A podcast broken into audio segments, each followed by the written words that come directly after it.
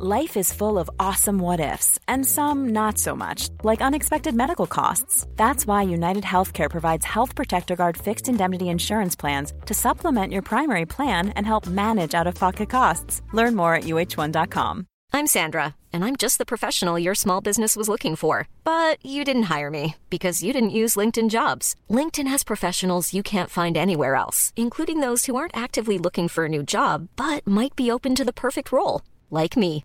In a given month, over 70% of LinkedIn users don't visit other leading job sites. So if you're not looking on LinkedIn, you'll miss out on great candidates like Sandra. Start hiring professionals like a professional. Post your free job on linkedin.com/people today.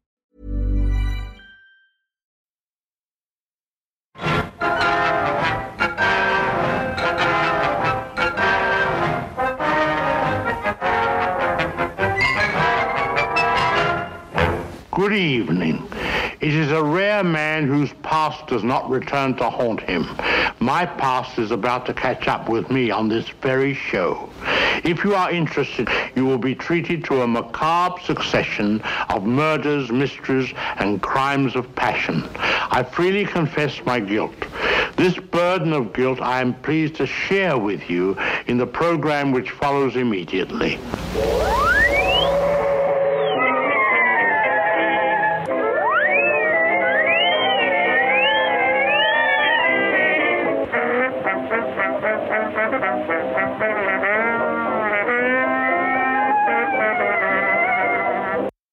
Då börjar jag i stort sett bara.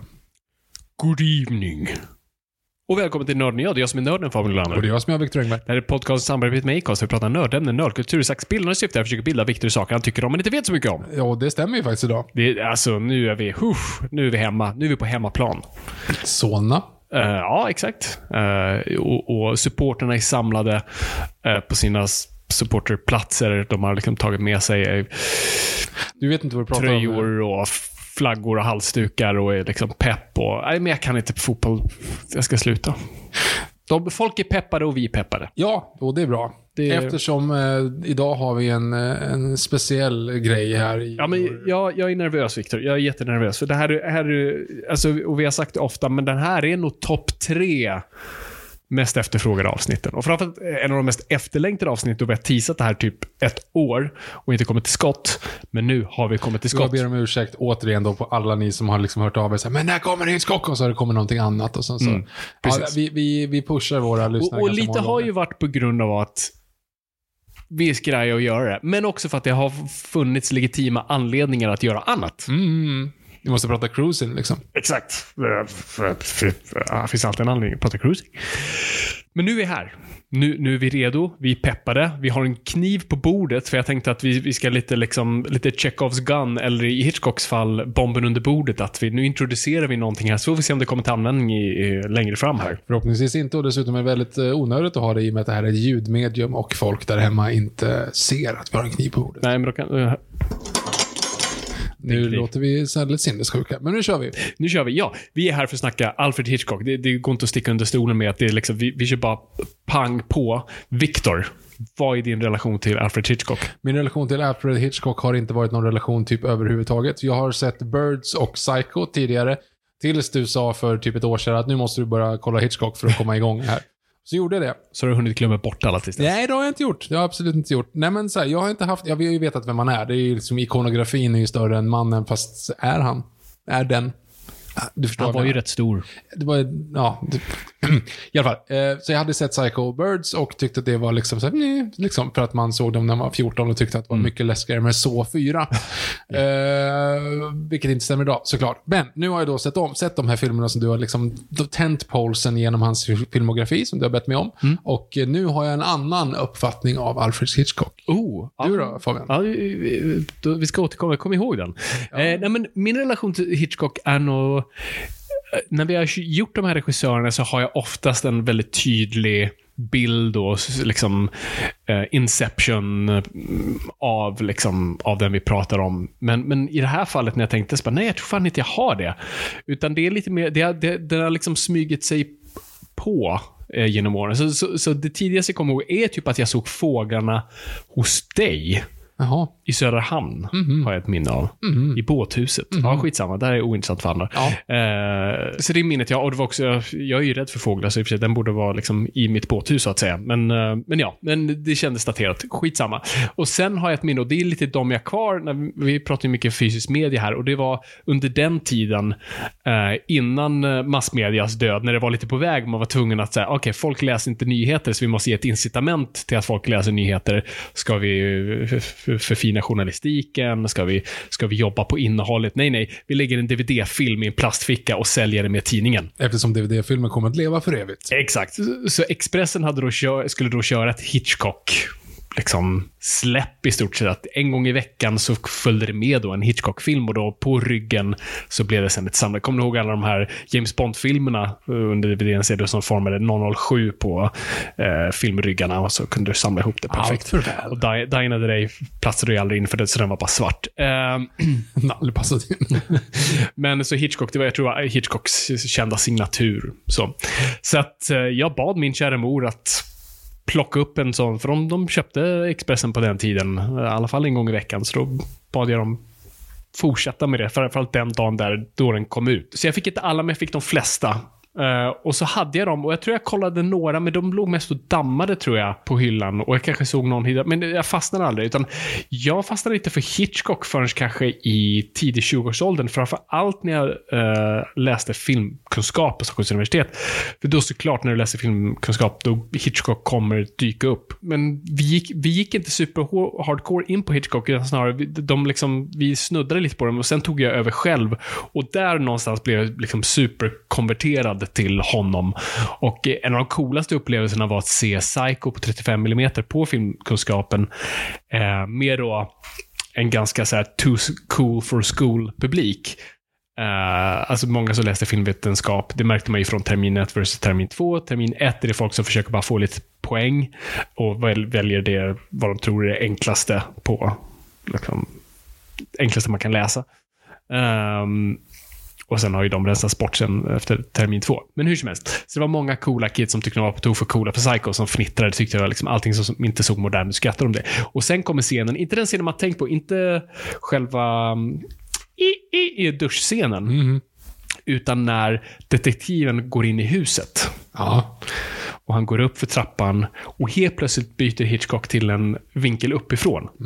Kommer du ihåg bilden? Ja, ja, ja. Och den lite så här gets me every time. För jag kan aldrig riktigt tajma när Bates kommer ut från sovrummet. Just det. Ja.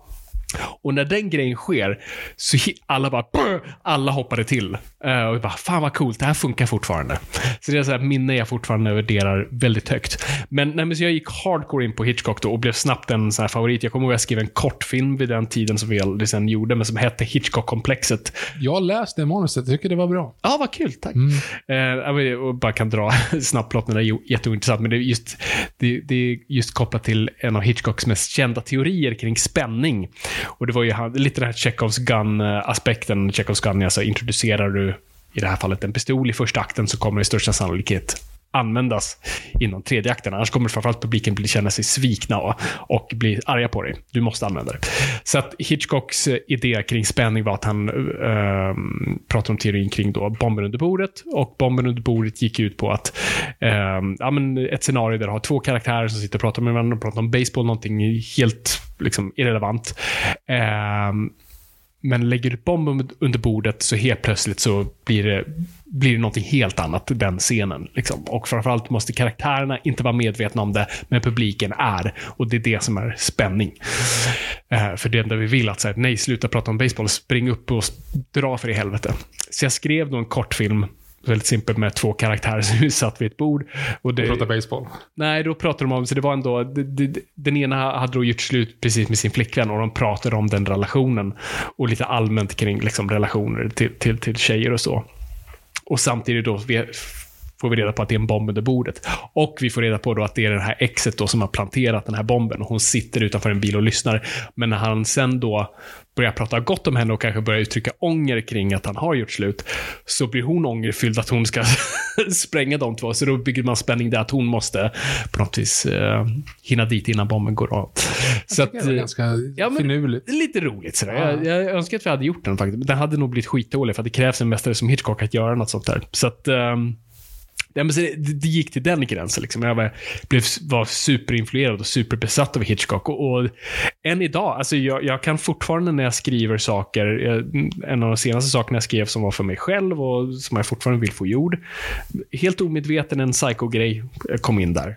Så, så här, ja men jag för det, det är en skrev. Och det är inte den som, som snart har premiär. Nej, nej, inte säga. den grejen. Nej, Nej, det hade varit konstigt. det hade varit weird. Nej, det här är då, det hade ju, det, det är i skräckkategorin och då var, ville jag göra lite så, ja men vad, jag vill göra vad Psycho gjorde för duschen i stort sett med det här, med den här Mm. grejen. Mhm. Ehm, så det är kul att det liksom alltid följer med en.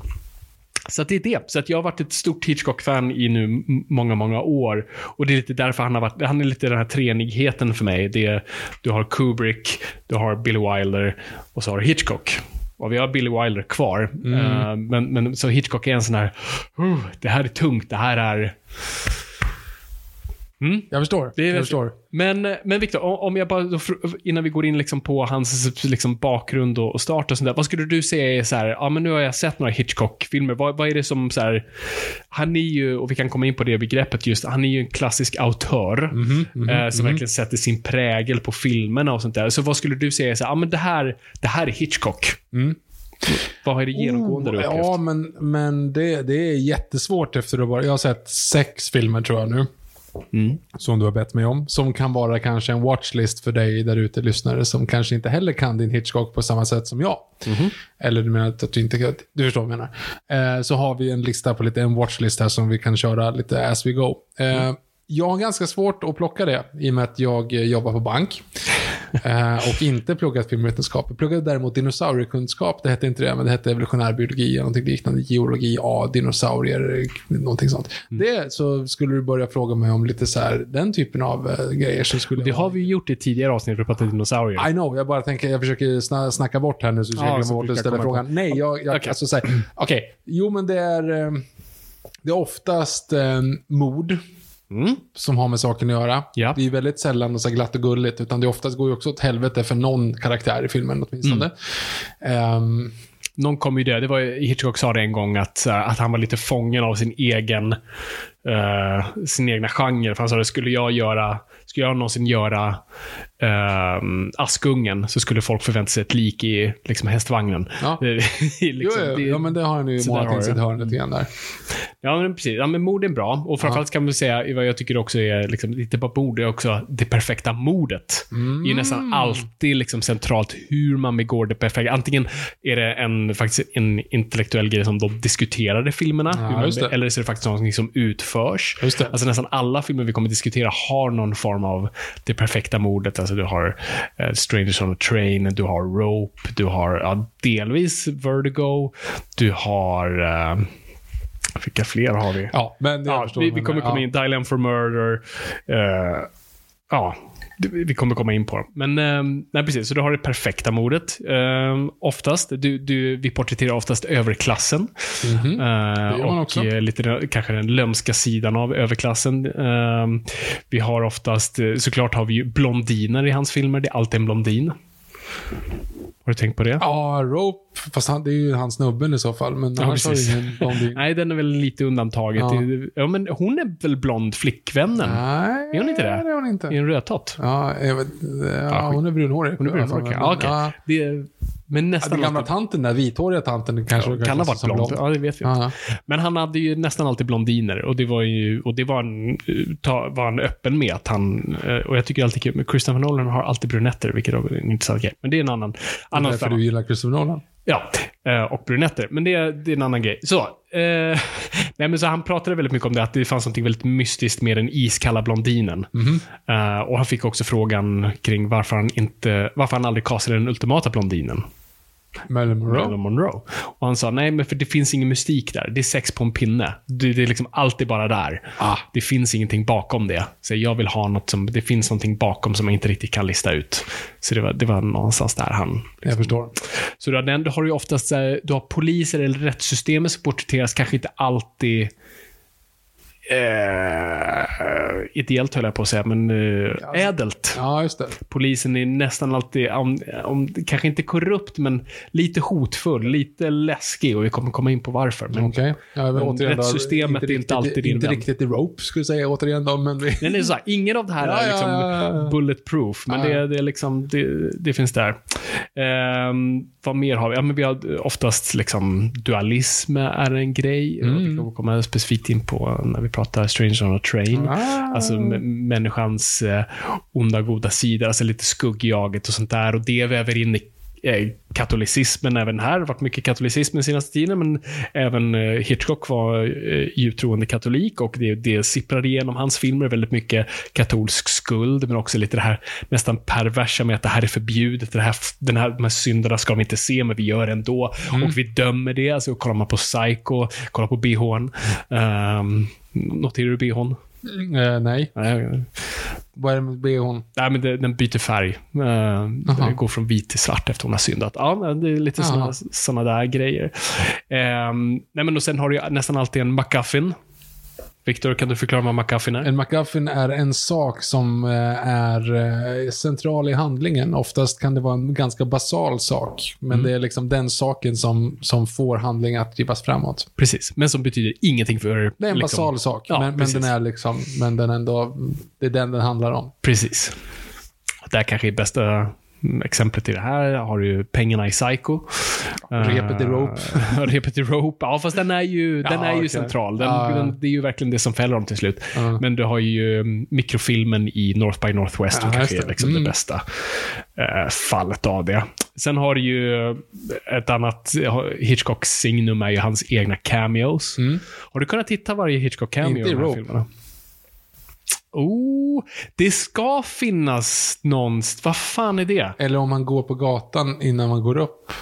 Ja, det kan... Jag kommer inte ihåg. Det, det ska finnas där i alla fall. Ja, för jag har inte, nej jag tror inte man gör det. Man ser bara utifrån bild, sen är det ju bara i lägenheten. Om det, det kan vara, jag kan ha fel eller drömt här, att ett moln är typ format som Det är något så, det finns Aha, något sånt där okej, lite obskyrt. Jag kan ha drömt det där. Okej. Eh, men nästan alltid Ja. en cameo. Det hade han alltid. Ja, men annars Eh. hittar jag honom i varje film. Tror jag. Ja, men vi kan gå igenom. Ja. Kom påminn mig att vi ska Ja, gå igenom ja. i varje film. Sen har du ju liksom, klippningen är ju också egentligen alltid ett signum. Alltså, med, med, när vi pratar om regissörer, så här, stora regissörer, så vi kommer då kommer vi ihåg liksom bilden. Vi kommer ihåg alltså en, en snyggt fotad film när vi tänker Kubrick och alla Mm. de andra. Men, men Hitchcock har inte riktigt det. Absolut, det finns snygga bilder vi kommer ihåg, men han är känd för klippningen. Det, det är hans signum. Att, att ja, kolla på Psycho, hur den är klippt till exempel. Liksom, klippningen, det var där han briljerade på ett helt annat sätt, mer än kamerarbete. Eh, sen var han expert på att placera kameran, men det var aldrig för något så visuellt vackert. Det, om det blev så var det kanske slumpen, utan snarare kameran var alltid väldigt liksom, eh, vad ska man säga, ja men det var bestämt och tydligt. Den var där av en anledning. Det var aldrig en slump att, den, att bilden var där den var. Och han skulle aldrig offra en snygg bild för en funktionell bild. Han är ju väldigt liksom en funktionell filmskapare. Eh, och sen, liksom, Hitchcock har sitt egna varumärke. Det, är- det är ett signum. Liksom. Det, är en, Hitchcock-film och inget annat. Det är inte en crime-rulle, det är inte en mordrulle, det är inte en noir. Det är en Hitchcock-film.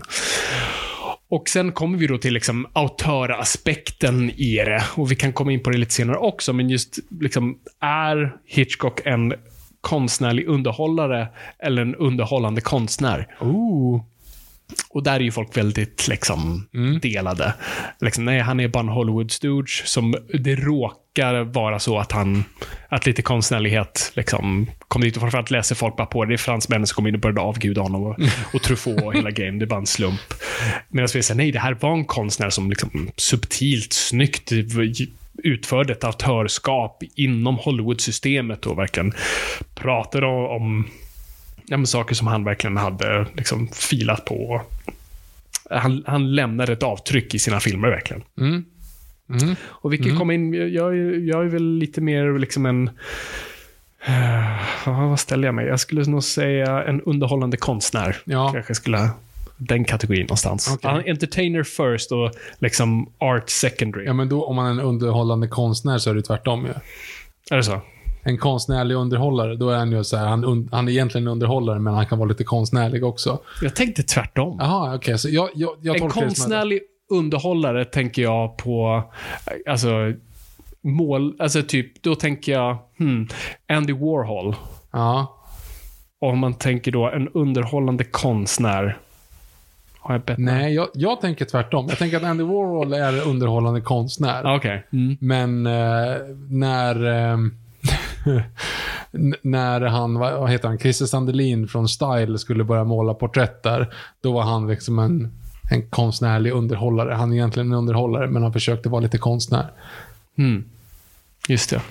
Skriv in till oss på hashtag Norrpod. Let's call the whole thing Ah, ja. off. Okej, låt oss prata Hitchcock. Vi börjar med lite grunderna. Mm. Ja. Så han är född 1899. Shit. Så verkligen liksom slutet på 1800-talet, vilket känns bara helt sjukt att någon, någon har varit född på 1800-talet, Victor. Ehm, um, hon föddes in i eh, liksom typ eh, en medelklassfamilj i London. Um, var liksom från, från barnsben ganska rund. uh, och hade därav mm, liksom få vänner. Han var ganska ensamt barn. Um, och ett, en grej som man pratade väldigt mycket ofta om, som var kanske det mest formativa i hans uppväxt, var den gången, han minns inte varför, men han hade gjort någonting dåligt. Han hade gjort någonting som hans far inte i alla fall var så glad över. Så pappan tog honom till den lokala polisstationen och sa till polisen, kan ni spärra in honom bara i typ fem minuter, men säg inte liksom att wow. Så de låste in honom och han visste inte när han skulle få komma ut. Och han sa liksom, ah, men det här är vad vi gör med liksom, bad boys. Så han fick ju en total panikångestattack där inne. Jag tror han aldrig skulle få komma ut, men efter fem minuter släppte de ut honom. Men det har varit på något vis det centrala i hans liv. Och det, och det finns liksom i hans filmer, just fängelser och poliser är väldigt hotfulla. Alltså du har, um, du har ju framförallt polisen i Psycho, som vet följer efter. Mm eh, Janet Lee. Med de här mörka solglasögonen och det är liksom... Det, det, Och det ironiska är att hade han blivit stoppad så hade det gått mycket bättre för den Ja, ja absolut. Ja. Och det, det är ju också en återkommande grej med Hitchcock, det här med perspektiv och vem vi hejar på, varför vi hejar på den personen. Mm. Egentligen är den vi hejar på, vi kanske inte ska heja på den personen i den stunden och så byts, och vi kommer komma tillbaka till Mm. Ehm, Nej men och han växte ju, han, han föddes ju in på något sätt när, när när filmen var som uh, yngst, alltså när den i stort sett precis hade börjat. Så han gick på bio med sina föräldrar och var helt förälskad i film och såg så mycket han kunde.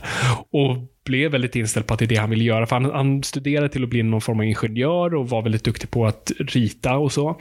Men så han, när, jag tror det var Paramount som skulle öppna upp typ ett brittiskt kontor i London så sökte han jobb där och fick jobb då som en sån här, vad kan man säga, titles-illustratör. Alltså när, du hade stumfilmer så skrevs ju replikerna ut på liksom title-kort.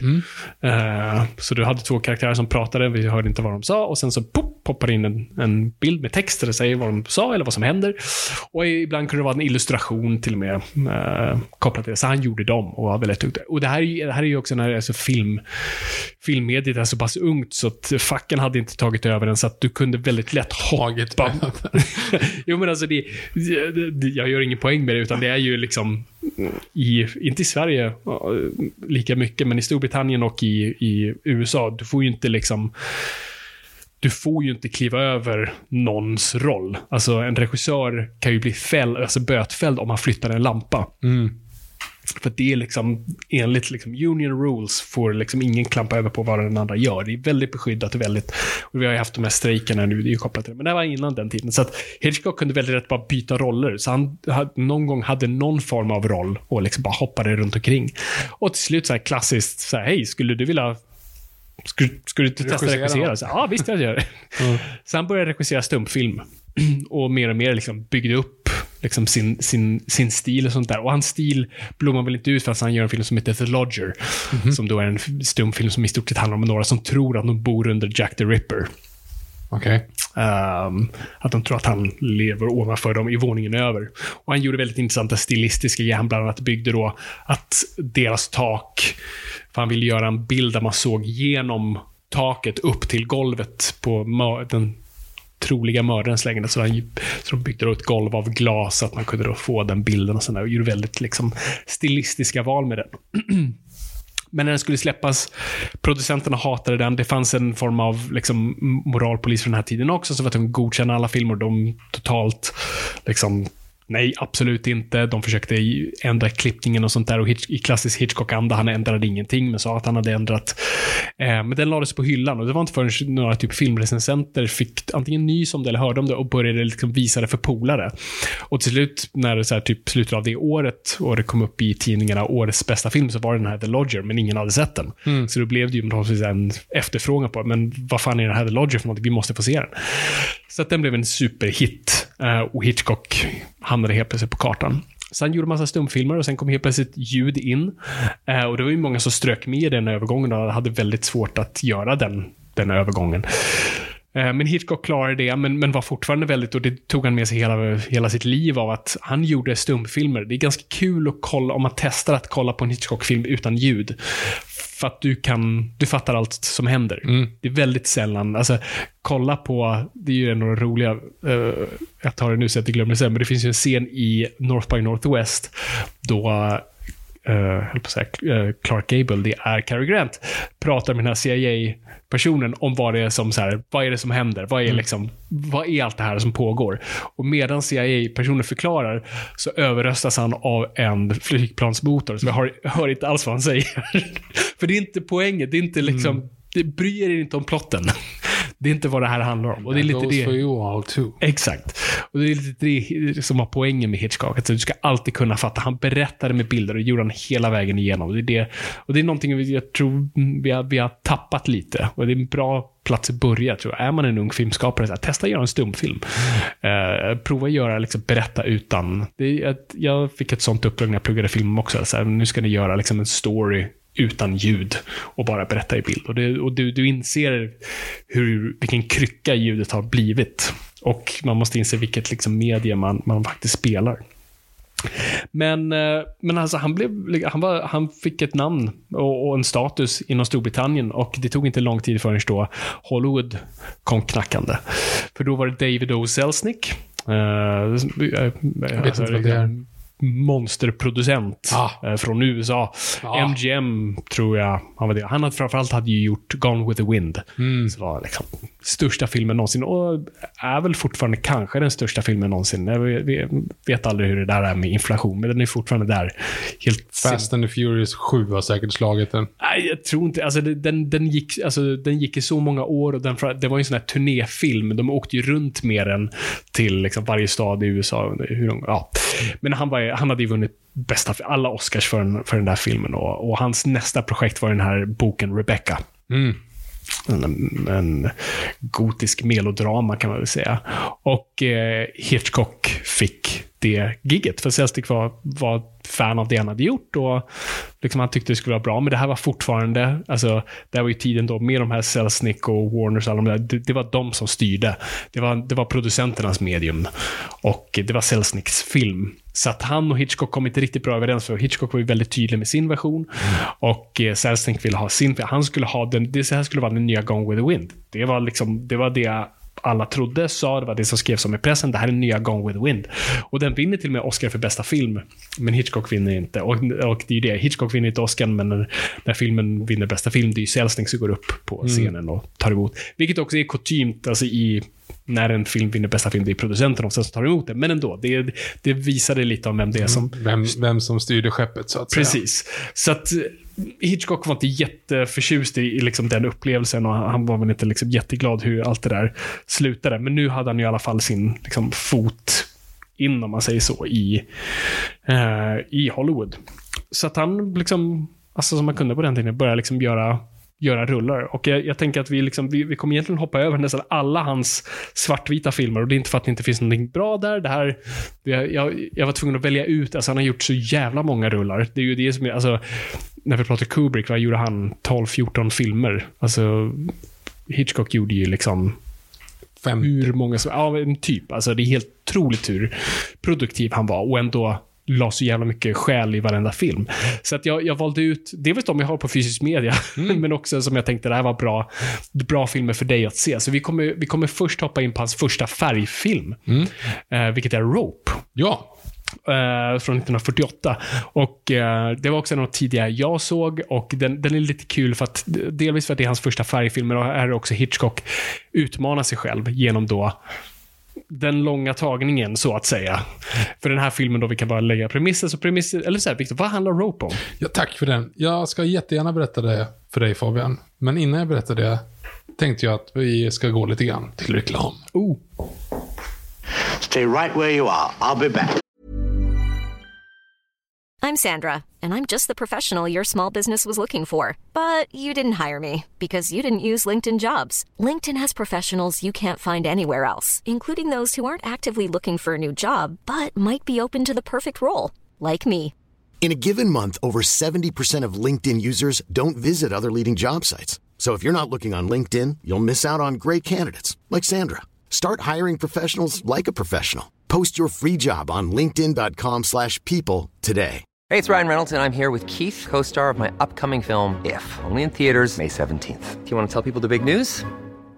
All right, I'll do it. Sign up now and you'll get unlimited for $15 a month in six months of Paramount Plus Essential Plan on us. Mintmobile.com slash switch. Upfront payment of $45 equivalent to $15 per month. Unlimited over 40 gigabytes per month. Face lower speeds. Videos at 480p. Active Mint customers by 531.24 get six months of Paramount Plus Essential Plan. Auto renews after six months. Offer ends May 31st, 2024. Separate Paramount Plus registration required. Terms and conditions apply if rated PG. Everyone knows therapy is great for solving problems, but getting therapy has its own problems too, like finding the right therapist, fitting into their schedule, and of course, the cost. Well, BetterHelp can solve those problems. It's totally online and built around your schedule. It's surprisingly affordable too. Connect with a credentialed therapist by phone, video, or online chat, all from the comfort of your home. Visit betterhelp.com to learn more and save 10% on your first month. That's BetterHelp H E L P.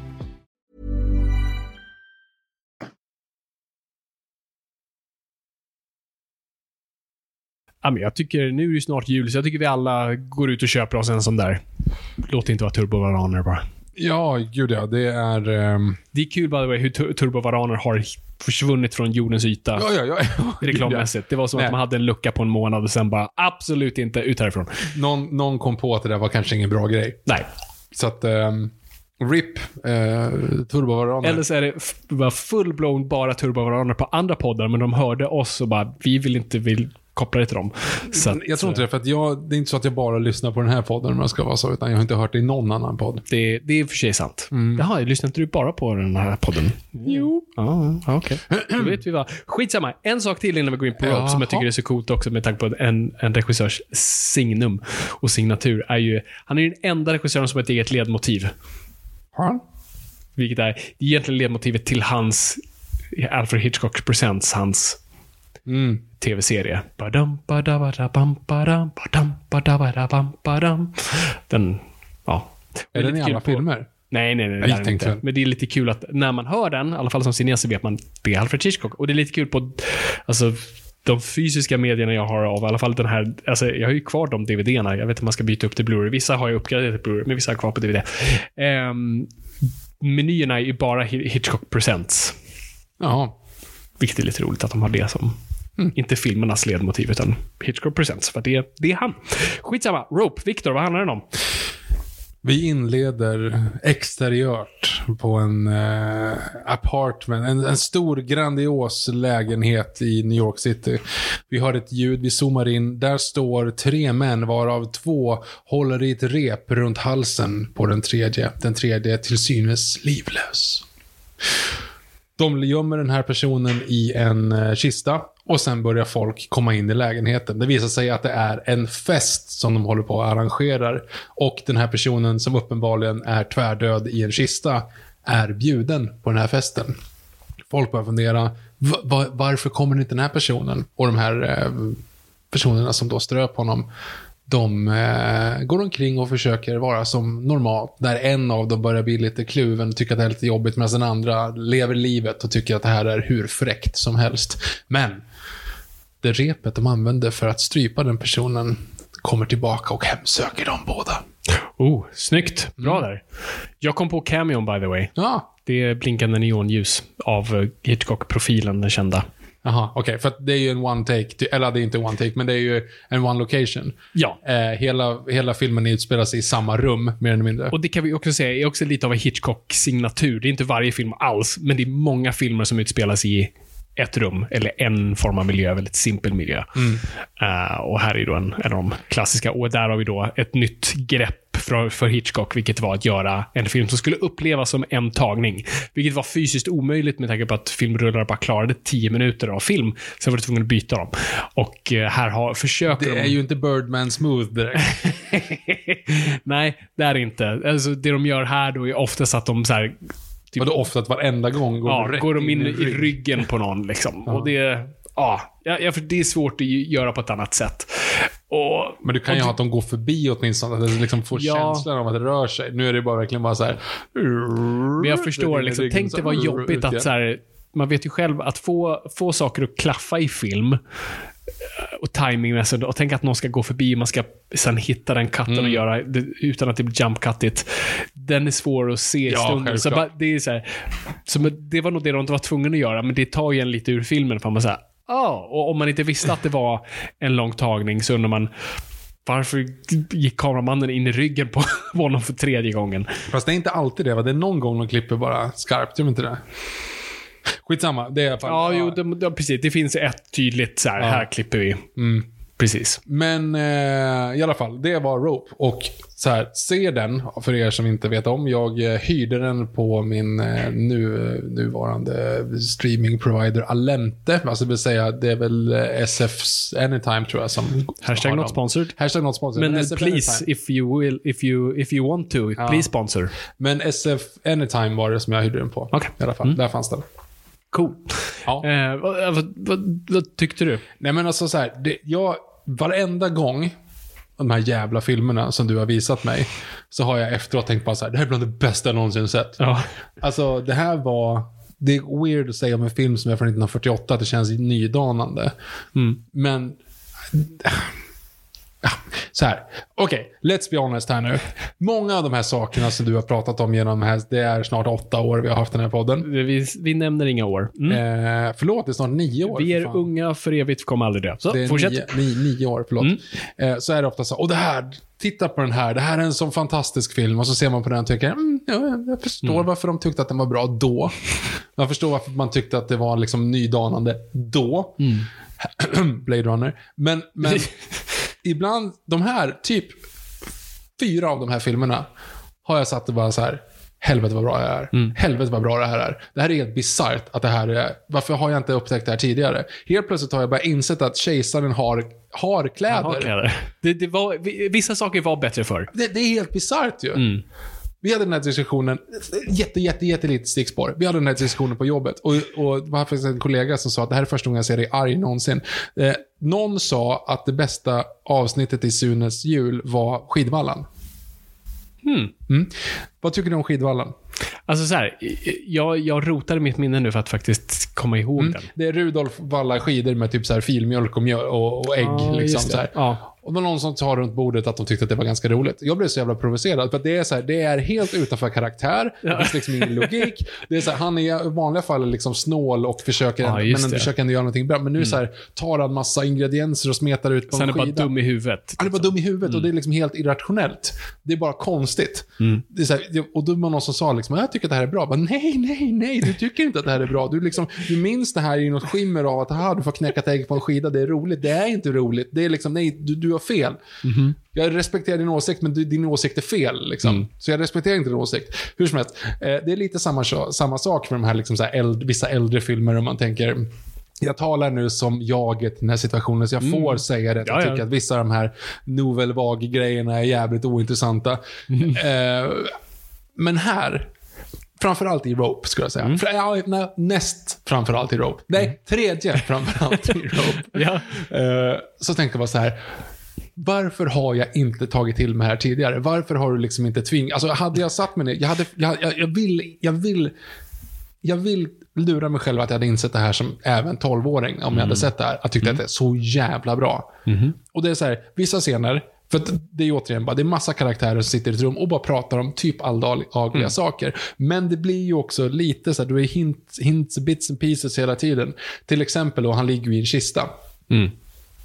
Och, det här ska liksom, och då, då har de dukat upp maten på den här festen, ligger på den kistan. Mm. Och du följer det typ fem minuter, nej inte riktigt, men, ja, men, jo, men typ fem minuter, hur den här husan håller på och städar undan här, sak för sak från Ja. den här Ta kistan. bort duken. Och, duk, och liksom blåser ut ljusen, ställer ner ljus och man vet att hon ska lägga tillbaka en grej i den kistan. Liksom. Och det är det du vet kommer ske i typ tre minuter. Men, och det man bara sitter bara så åh nej, åh nej, åh nej. Och det är som du säger, du byter perspektiv. För att det är ändå två personer som har mördat en snubbe. En men du vill- oskyldig snubbe för Ja. sin egna egons skull. De är liksom uppenbara skurkar. Det finns inte en redeeming feature hos dem. Nej, nej, nej. Men du sitter ändå och så, åh Mm. nej, hoppas de inte upptäcker. Bara, Vänta, va? Varför vill jag inte att jag ska upptäcka? För? Vad håller jag på med liksom? Eh, väldigt bra. Väldigt väl Mm. actad. Den är ju, det är ju 40-tal och det är one take, så det är lite teatraliskt Mm. såklart. Men den är liksom, alla är as far as 40-tals skådespelare går, total A-game. Och jag hade ju helt missat James Stewart. Mm. Uff. Mm. Alltså jag, hade ju, jag visste inte vem det var förrän jag började Ah, såg de här filmerna. Ja. Eh, och jag var inte beredd heller på att han var typ med i allt, eller Mm. nästan. Men, han var med. men och här är han också en sån suave Mm. deluxe. Och jag gillar verkligen så här, den, är- den är lite on your, liksom, lite på näsan om, kring det här med, för de pratar väldigt mycket om, alltså motiv och sådana saker är Mm. ju liksom icke-existerande egentligen. Att de börjar prata, intellektualisera kring övermänniskan och Mm. övermänniskans liksom, rätt att ta vad den vill. Så mord borde vara tillåtet på inferior races, eller inferior people, är de faktiskt, så inte races, är people. Ehm, och, och Jimmy Stewart-karaktären är ju jätteförespråkare av det. Alltså han är ju verkligen, alltså han är deras, oj vad nära på att säga någonting dumt nu. Eh, han är deras eh, ja, eh, vithåriga influencer. Och, och det är ju liksom en sån här, det är någonting som ändå man, man laddar upp ganska hårt på. Shit vad, o, vad, vad osympatiskt och vad liksom konstigt det här är. Och hela det här Voice of Reason är någon, en annan person som man inte har sagt så mycket innan. Man, här, man, man är helt mindfuckad. Och sen så byts allting igen. Och så byts allting igen. Och så byts man, man är... Jag tyckte det var jätte, jättespännande. Det är en timme och 19 minuter av liksom en vad Hateful Eight borde vara. ja, det är väldigt bra. Exakt. Ja, men det är precis så. Eh, för den är skriven åt rätt håll från början. Liksom. Nej, men det är, väldigt, det, det är bra centralt tema där med just det här eh, intellektualiseringen av någonting versus att, gör, att göra det faktiska. Ja.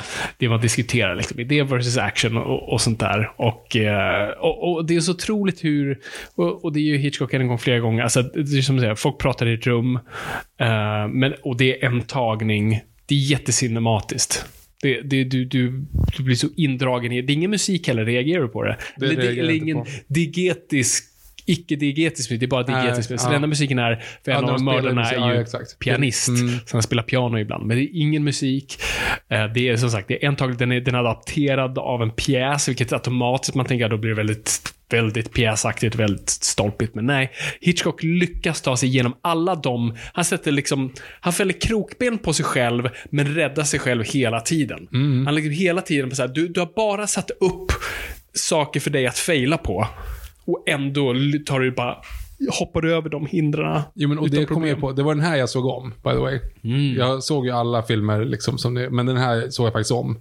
Eh, bara för att jag ville se den en gång till nu, typ igår, alltså igår innan, så vi hade det färskt i minnet. Eh, och framförallt så sitter du och tittar, i och med att du vet, och jag såg också för övrigt väldigt bra film, men 1917 hade jag ju, vet någon gång jag berättade om det här sist. Men jag såg 1917 i alla fall, vilken en film som jag velat se väldigt länge, men inte... Du har inte sett. 1917? Nej, jag såg den nu. Alltså Åh, typ för två åh, veckor sedan. coolt och... Ja, okej. och det var lite kul för då var, det är ju samma, samma liksom stick på, Mm. till viss del. Och där, um, där 1917 Nej, nej, men den klarar det. Förlåt, Bird, jag hade svårare med Birdman, faktiskt. Okej, jag, jag ber om ursäkt. Jag gillar både 1917 och den här på samma sätt. Men Birdman hade ett samma problem för att jag satt bara och letade efter när den ska Ja, klippa. just det. Hittar Alltså jag blir liksom... Men den här gången, i och med att jag såg den två gånger, så kunde jag andra gången sitta och leta när de, vad- så vad är det som har ändrats. Till Just det. exempel. Och där har du ju bakgrunden. Mm, precis. En Alltså, utan- solnedgång i ja, stort sett. Ja, utanför fönster, för det är också, tänker man så här, hur ska man få tiden att gå? I och med att det är ju liksom en matte painting i bakgrunden. För att kunna synka den. Liksom. Såklart att de inte kan ha en vanlig. Och den, det blir ju mörkare ute och det blir ju liksom annorlunda. Det är så jävla snyggt. Ja, det var jätteroligt att se den här. Ja, nej men eh, vad kul. Det gör mig jätteglad. Nej, jag, jag älskar den här filmen också. Och, och det, det är så himla liksom suave och intellectual och allt det där. Och, men vi ändå liksom pratar om någonting väldigt mörkt. Eh, Kunde du plocka subtexten? det är okej om du inte har gjort det, men det, Du måste är väldigt tänka. tydlig, eller tydlig, det, det, det, är en, det är en subtext här, liksom, som är lite... Man, pra, de, man pratar om någonting som kanske inte kunde visualiseras på den här tiden. Att de är gay? Ja, exakt. ja, ja, ja men det... De är det tok-gay. ja, ja, det fattar jag. Liksom. Och, och det finns till och med lite hintar om att kanske Jimmy Stewarts karaktär har lite också varit liksom, i, det- i någon form av relation med dem. Och Ja, sådär. nej, men, nej, men den tog jag. Mm. Alltså att de, men vadå, de bor ihop och de ska åka upp till landet tillsammans. det är jättekonstigt. ja, precis. Nej, exakt. Det, det säger ju ingenting. Att, liksom, typ, och det är ju en tråd från den här tiden att liksom, homosexuella män är, eh, liksom, är lite eh, two-faced och lite lömska och liksom, lite fetischiga på ett sätt. Och de har flera relationer. De är väldigt liksom debauchery, så att säga. Ehm, Och det fortsätter i cruisen. Ja. Ehm, en annan cool grej som jag gillar, eh, Hitchcock är känd för sina trailers. Han, han placerar sig själv i dem oftast. Trailern till den här var en, som en prequel. Då, träffar, alltså, då träffar man snubben de mördar. När han, han är i parken med sin flickvän och de typ pratar om något alldagligt och sen så här, nu ska jag gå på fest och så går han iväg och sen säger berättar just, men han nådde aldrig festen för att han dog. Men något sånt där. Rent teoretiskt nollade förresten. Men, ja, Ja, precis. Ja, så det var också en liten kul grej att det blev som ett tillägg på själva filmen, vilket var Mm. väldigt roligt. Men nej, jag, älskar Rope. Jag tycker den är, jag tycker den är fullkomligt briljant. Och, fram, och just för att det är en sån anti-Hitchcock-film i form av, som jag pratade om, för Hitchcock handlar så mycket om hur du klipper och här klipper han inte. En gång, han visar på något sätt, så här, nej, nej, jag kan ta bort den kryckan och jag kommer fortfarande bara blåsa skiten ur, ja, det, det kan man inte säga, blåsa skiten. Ja, jag, ni det, fattar vad jag Det menar. är också en film som får en att känna sig lite smart och jag tycker ju om det, fast den är inte så här jättetaskig på det. Alltså, du, du, fattar, du fattar vad karaktärerna känner utan att du ser det i, mycket, i mångt och mycket. Mm. Alltså en sån klassisk grej som att nu är ju den ganska, jag kommer inte ens ihåg nu förvisso om man ser det eller inte, men jag, pro, jag projicerar att man ser, för den här personen som är mördad då, det, det blir ett mysterium, alltså att han inte dyker upp. Hans föräldrar, hans pappa är Ja, där och hans flickvän är där och det, så här, men det är jätteovant. Alltså varför kommer han inte? Alltså, det är jättekonstigt att han kommer för sent. Börjar ringa runt och så. Och Jimmy Stewarts karaktär, tar, när han ska gå så får han en hatt. Som är Just för det. liten. Ja, det är så, Och så bra. tittar han i den och säger det här är inte min. Och så får han en ny. Och så tar han tillbaka den andra och så tittar han in och så tittar han bort på de här personerna Mm. som har mördat. Och sen så bara lägger han in och så går han. Så man fattar att han fattar. Men, Precis. men det ges ingenting mer. Liksom. Nej, och, man, och samma sak där. Jag fattar ju när jag ser den att det är den dödade killens hatt. Men det sägs ju inte. Nej. Det är bara en hatt. Exakt. Ja. Men jag fattar. Och det, det är Hitchcock alltid väldigt duktig på. Han, han hade oftast objekt väldigt centralt och det är oftast objekten som fäller dem. Hatten, du har repet här också. Eh, du har nyckel i Dial for Murder. Alltså det finns de här objekten som blir centrala. Här kommer också en Hitchcock-grej. Här har ju nästan den bokstavliga bomben under bordet. Ja. Vilket är bara liket under bordet. Ja, precis. Publiken vet att Liket liket, i är där. bordet. Liket i bordet. Publiken vet att den är där. Eh, De centrala karaktärerna vet det, men ingen annan. Och Mm. det, är liksom, det, blir bara, det bara byggs, byggs, byggs, byggs upp. Nej, det är... Nej. Det liksom hintas hela tiden mot att det ska öppnas eller inte. Ska den öppnas? Ska den inte? Ska den inte? Så. Ja, det är jättebra. Jag tycker den var skitbra. Coolt. Värt att se. Vi hoppar på nästa som vi har sett tillsammans då och, då valde jag eh, Strangers on a Train. Och den gemensamma nämnaren här är ju eh, Farley Granger då, som spelade pianisten då i, Rope, men som nu spelar liksom, tennisspelaren i, i Strangers on a Train. Och eh, Viktor, vad handlar Strangers on, a, Strangers on a Train om? Strangers on a train. Train. Train. Train. Train. Train. Eh, that's... Balin? Ja, men vänta. Three, ja, twen- ja, 83. Det är den citat han har. Finns det inte en dvärg som heter Thrain? Thrain, jo. Ja. Jo, jo. Men eh, ja, jag tänkte att han var... Eh, att han hade satt, dödat fler orkajer. Skitsamma. Eh, jo, eh, en känd tennisspelare träffar ett fan på ett tåg. Och han, eh, det här, den här fanet då som är uppenbart väldigt eh, speciell, uppenbarligen, han är ett energiknippe, eh, börjar säga så här, men du, jag har ju läst i skvallerpressen att du har det lite körigt med frugan och du ska iväg och lite, han börjar hinta om att du har ju en ny relation. Du är ju också gift. Det här är ju inte bra. Det här är ju ingen bra deal för dig. Nej, det här är ju ett problem Det här är ett har. problem du har. Du får ju liksom inte skilja dig och, gift, och gifta dig med den som du verkligen, verkligen, verkligen älskar. Liksom. Mm. Det, måste vara jobbigt för dig. Och by the way, som av en händelse så har jag också, min pappa är ett problem för mig. Min pappa är eh, rik och ball och väldigt hård och han tycker inte om mig. Och, ja, det är ett problem för mig. Uh, how about a switcheroo, så att säga, som de säger i Mother Lover. Nej, men eh, de... Jag över den. Jättekul. Eh, just uh, Saturday Night Live, när man hör publiken, att de reagerar så här, när de, är på, de fattar vart de är på väg i, i Mother Lover. Så liksom, lite så här, åh nej! Men också skra- mixat av skratt och... Åh nej. ja, lite grann så. Eh, Jo, eh, vart var jag? Jo, nej men och då så den här personen säger då, den här, eh, jag, jag kommer inte ihåg vad han heter nu, bara därför. Vad heter han? Är det Guy Haynes? Eh, Bruno heter... Bruno, Bruno, ja det var Bruno, jag var ute efter bara namnet. Eh, Bruno som han heter då, han, han är på den här tennisproffset och säger liksom så här, men fan, vore det inte lite fräckt? Det perfekta modet. Vi är två strangers on a train. Och jag står och applåderar och kliver ur salongen, så jag har inte sett mer än filmen. jo, det har jag visst gjort. Tack Konstig referens. Eh, men ni som förstår, ni förstår. Jag tar bort mig hela tiden. Nej, men han säger, vore det inte perfekta mordet? I och med att vi är främlingar, vi har liksom ingenting som connectar. Om jag åker och mördar din exfru, som du typ, han hatar, listar han ut liksom. Eh, och du mördar min pappa. Vi båda två, jag får ett, ett fett arv, du får gifta med den du vill.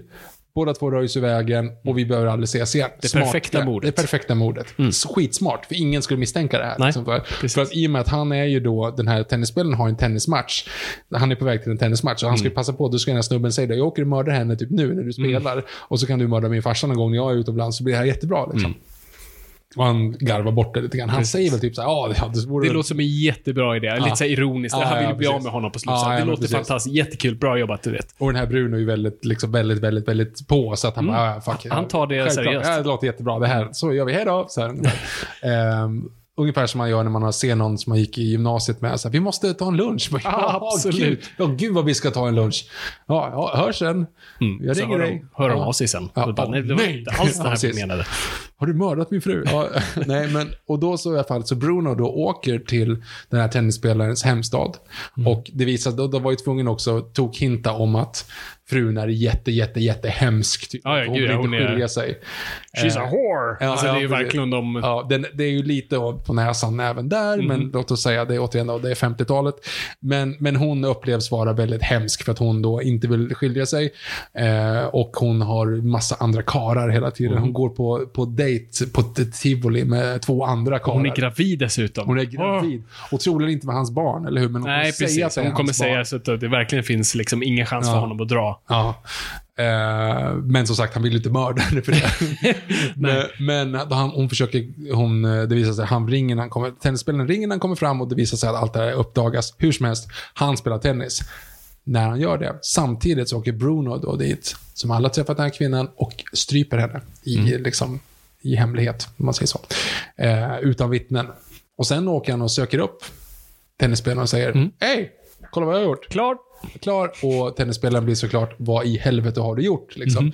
Ja, men vadå, du sa ju det. Du har sagt att jag skulle göra det. Bara, Nej, det har jag inte alls gjort. Och det är en jättebra, liksom, så här, alltså ett filmmuserie, ett, som 10 av, alltså 10 av 10 upplägg. Liksom. Plotten utifrån det perspektivet, eller liksom plottandet av eh, mysteriet, eller, eller liksom allt vad det är.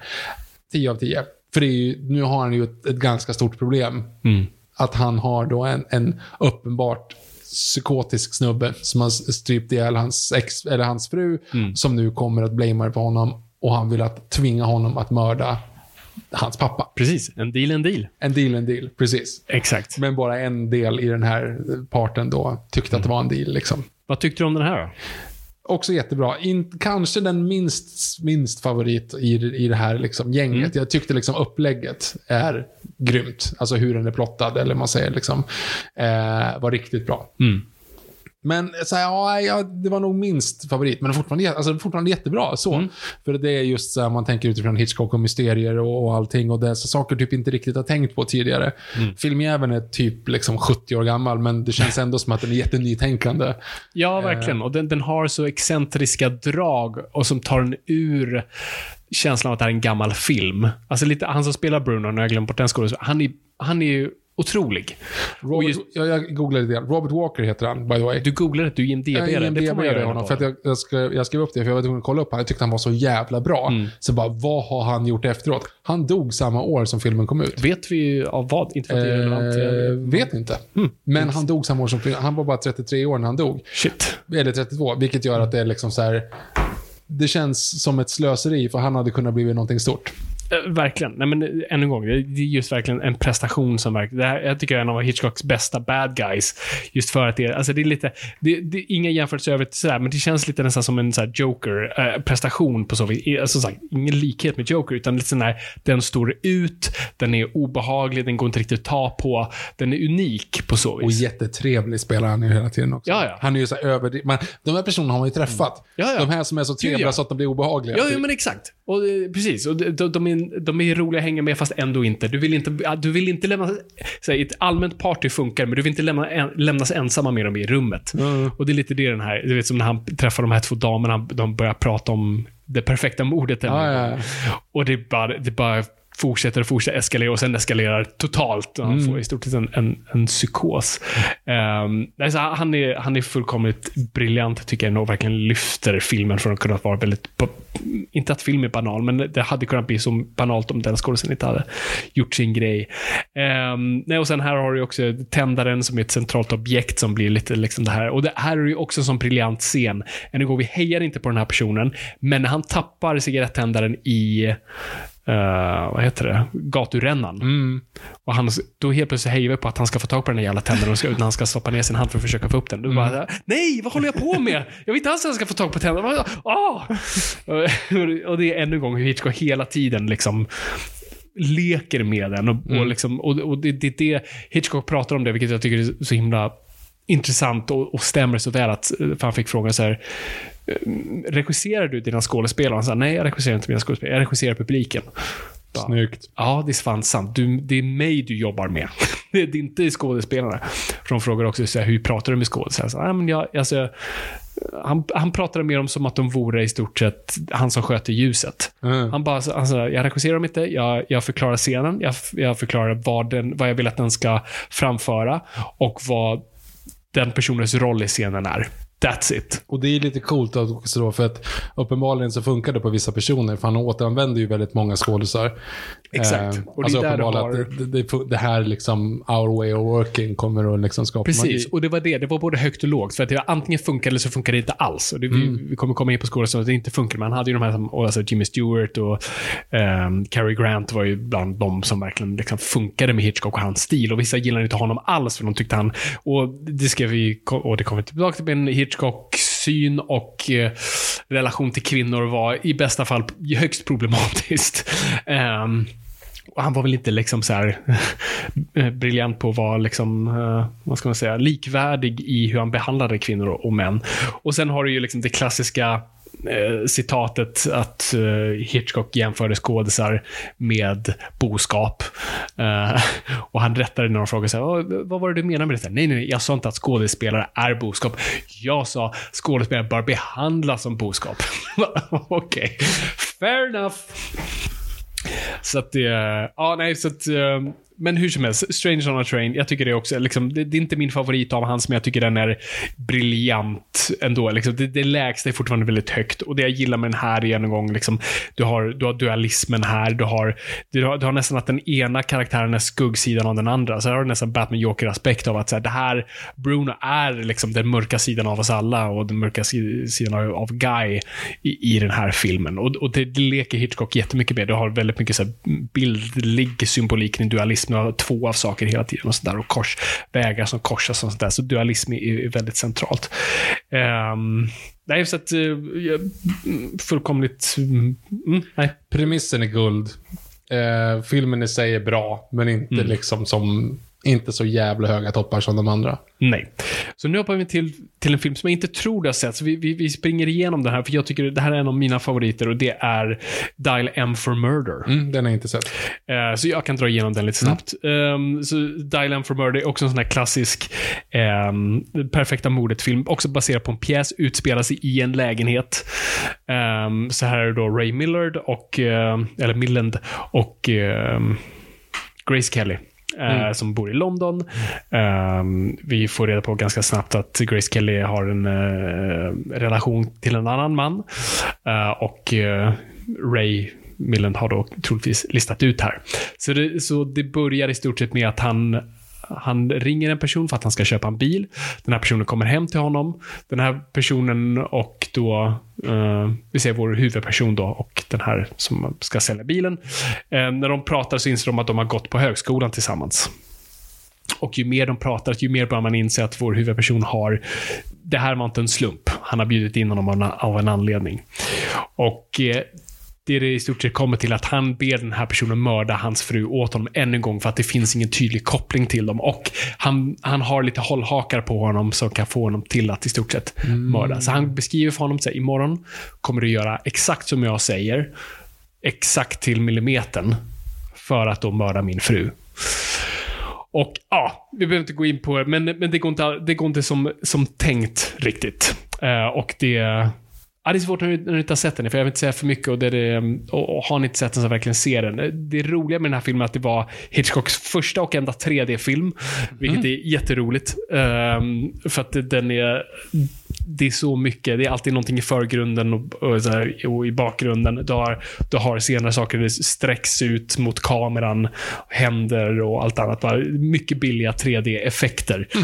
Uh, och det är lite kul. Jag tror, uh, hade du sett den utan att tänka på, hade du inte tänkt på den. När man vet det så är det det enda man tänker på.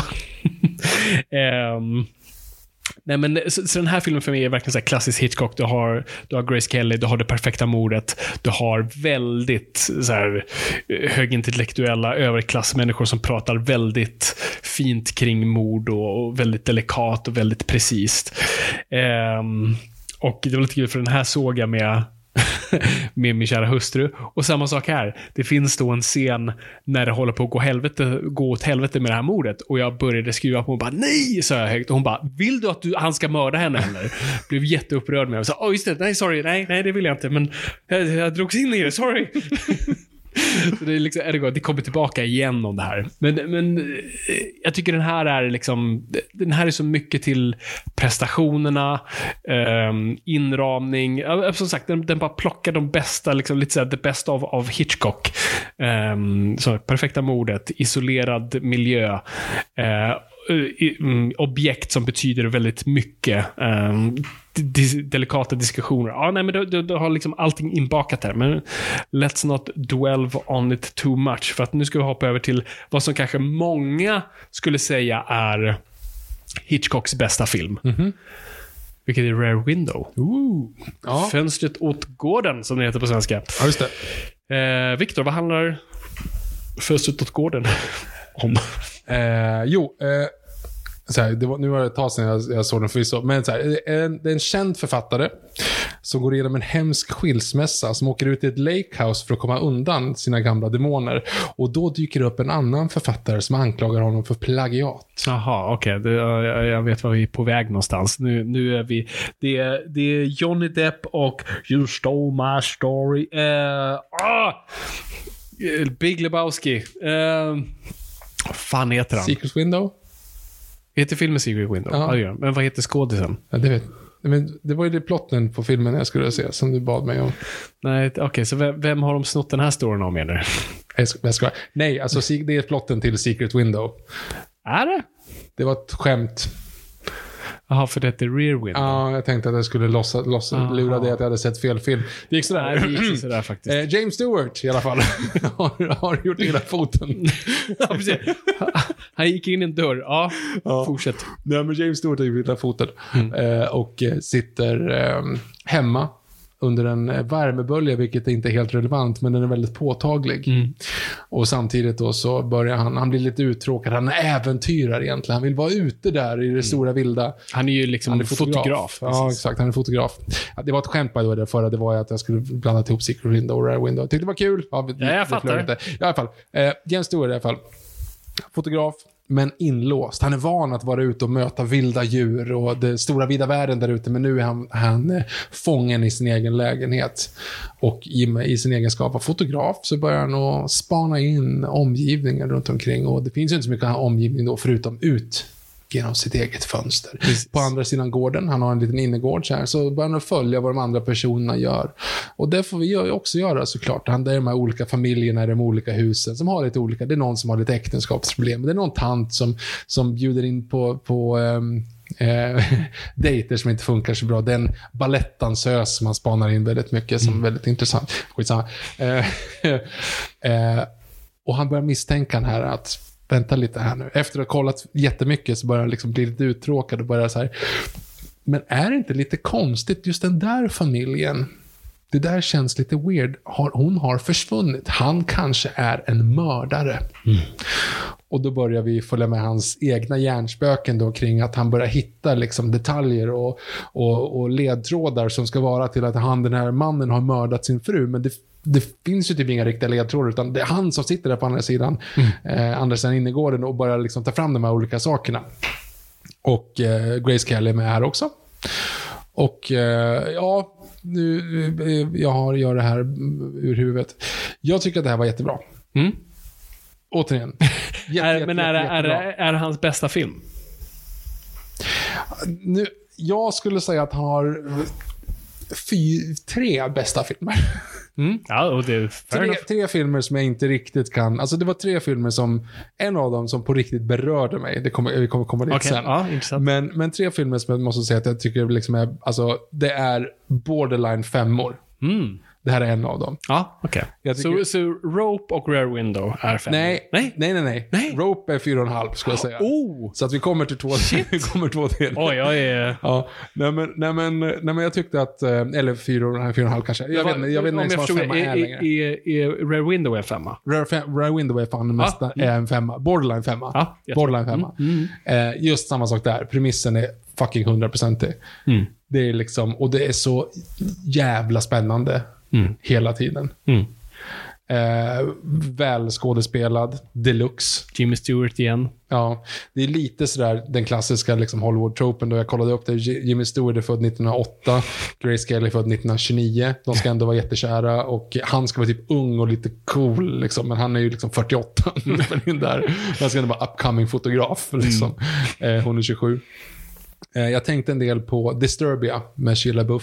jo, och det som är nästan är en outtalad remake, skulle man kunna säga. Ja, och samma sak där by the way så är det ju en, eh, en lite kul, på tal om remakes kan vi ta sen. Det har du pratat om, berättat om tidigare. Jaha.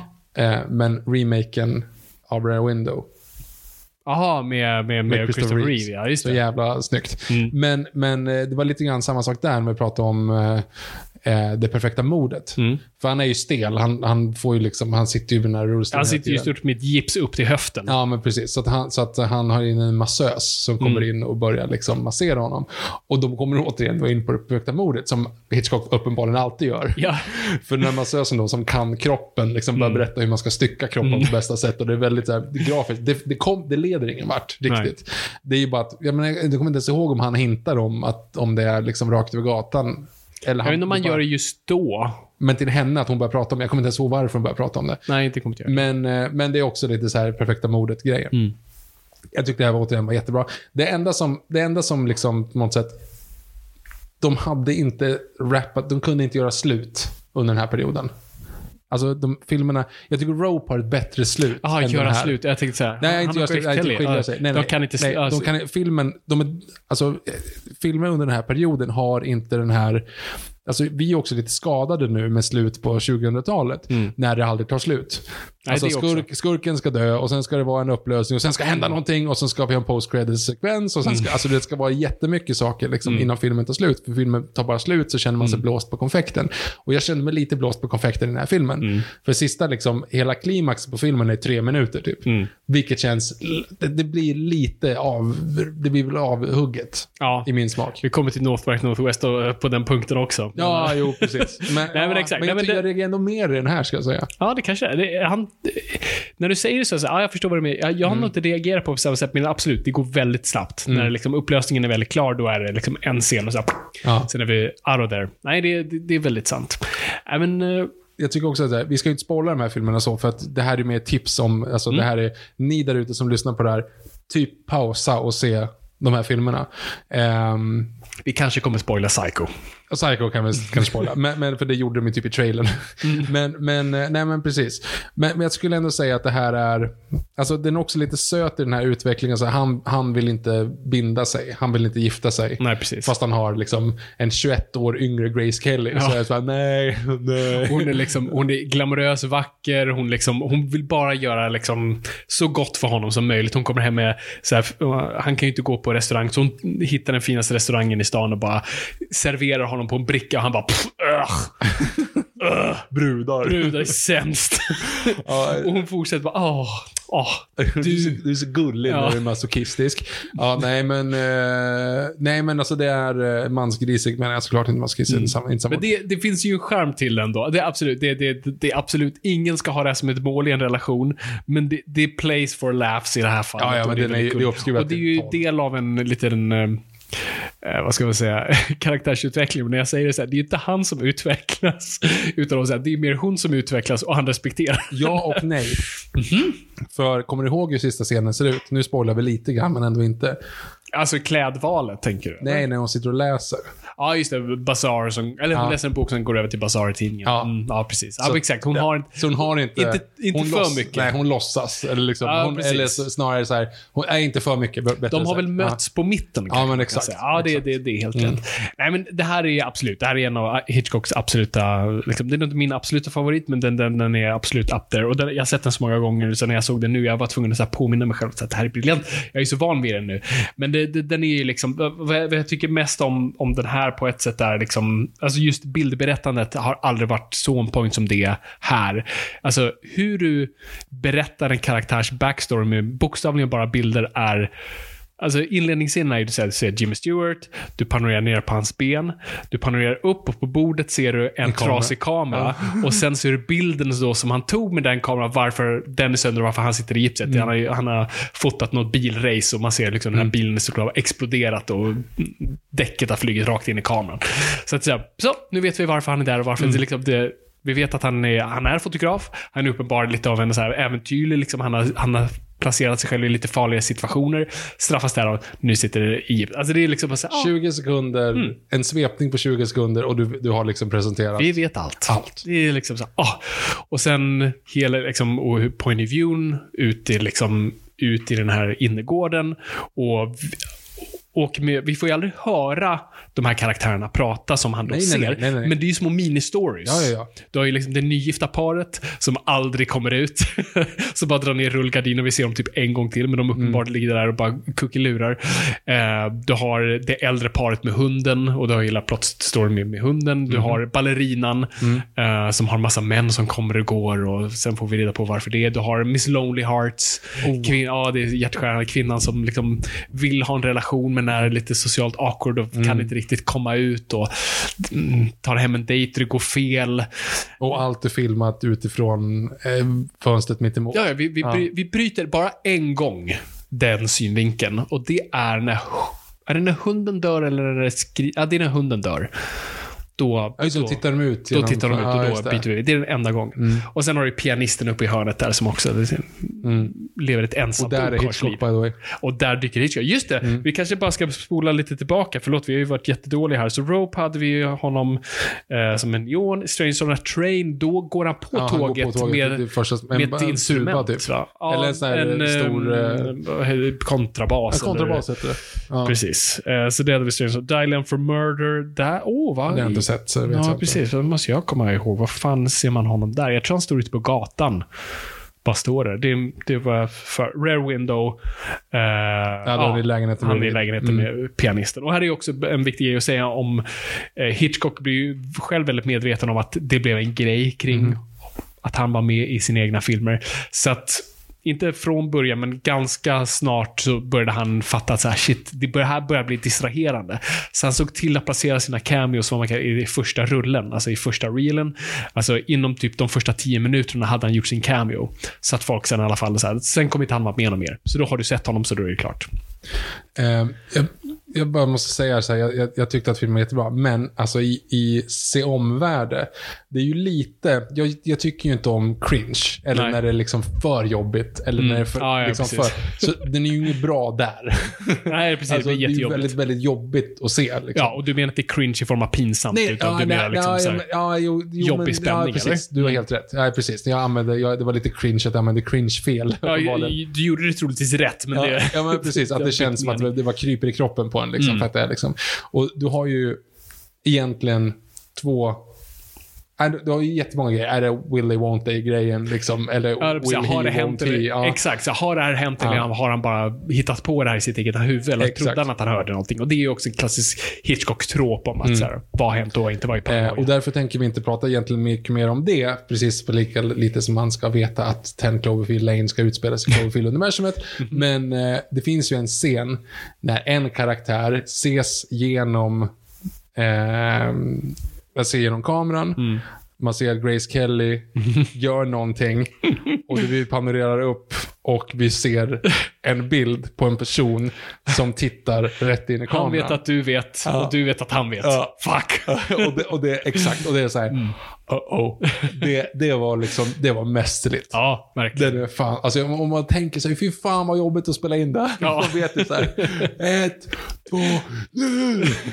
Det skriker från andra sidan gården Ja, liksom. precis. För det är ju det här. De har ju byggt, det är ju en kul grej med Hitchcock av att han hatade filma utomhus. Han, och det är så många filmer som utspelar sig utomhus som inte gör det. Det är en studio då han bara gjort en projicering på, för han hatade att gå ut.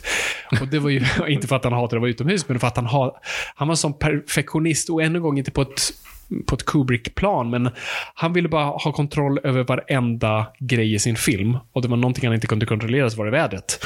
Så att allting var inomhus. Så att hela den här innergården och allt det, det är en studio. Vilket är jävligt ballt. Det, det syns ju men det syns inte. Nej, precis. Så du, du, du, du ser det först, bara, ah, det här är en studio, och sen glömmer du bort det. Ja, ja precis. Sen är du inne i det. Mm. Och det är det som är så... Ja, nej, Nej, jag, jag gillar den som fan i alla fall. det var lite kul, för jag såg den här filmen eh, runt samtidigt som David Finchers The Killer kom ut. Har du sett den än? Nej.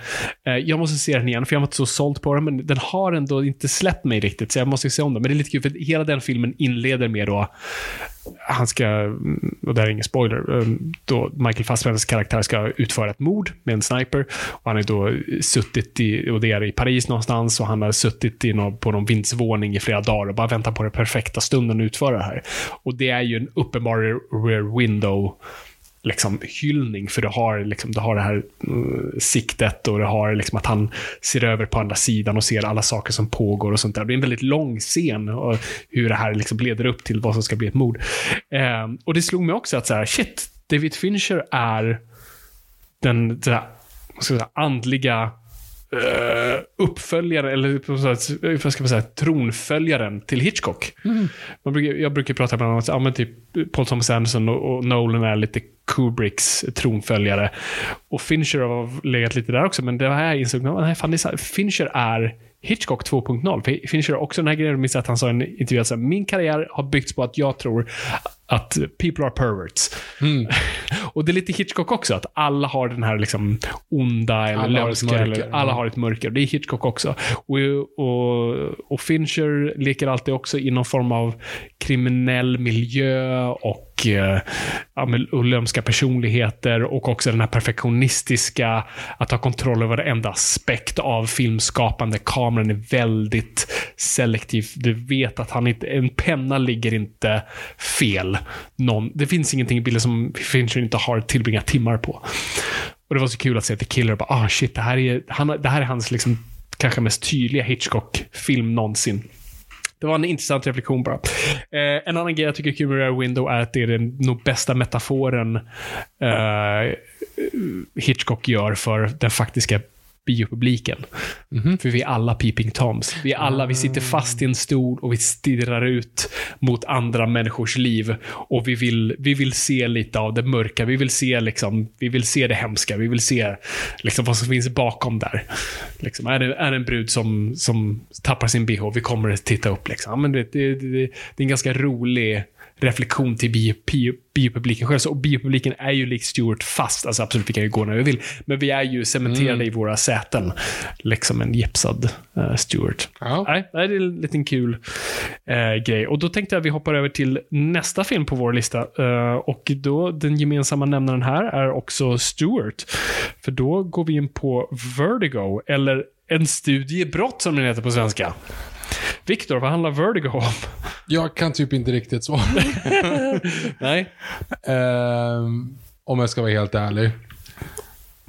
ska jag hjälpa dig? Ja, ja plottmässigt får du fan mig. Vad, vad inleder det där med egentligen?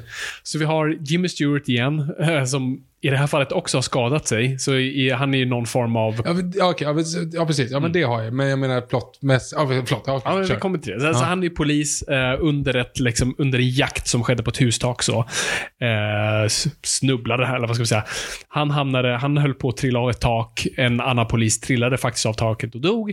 Efter det eh, har Stewart liksom, Höjdskräck. höjdskräck eh, vertigo.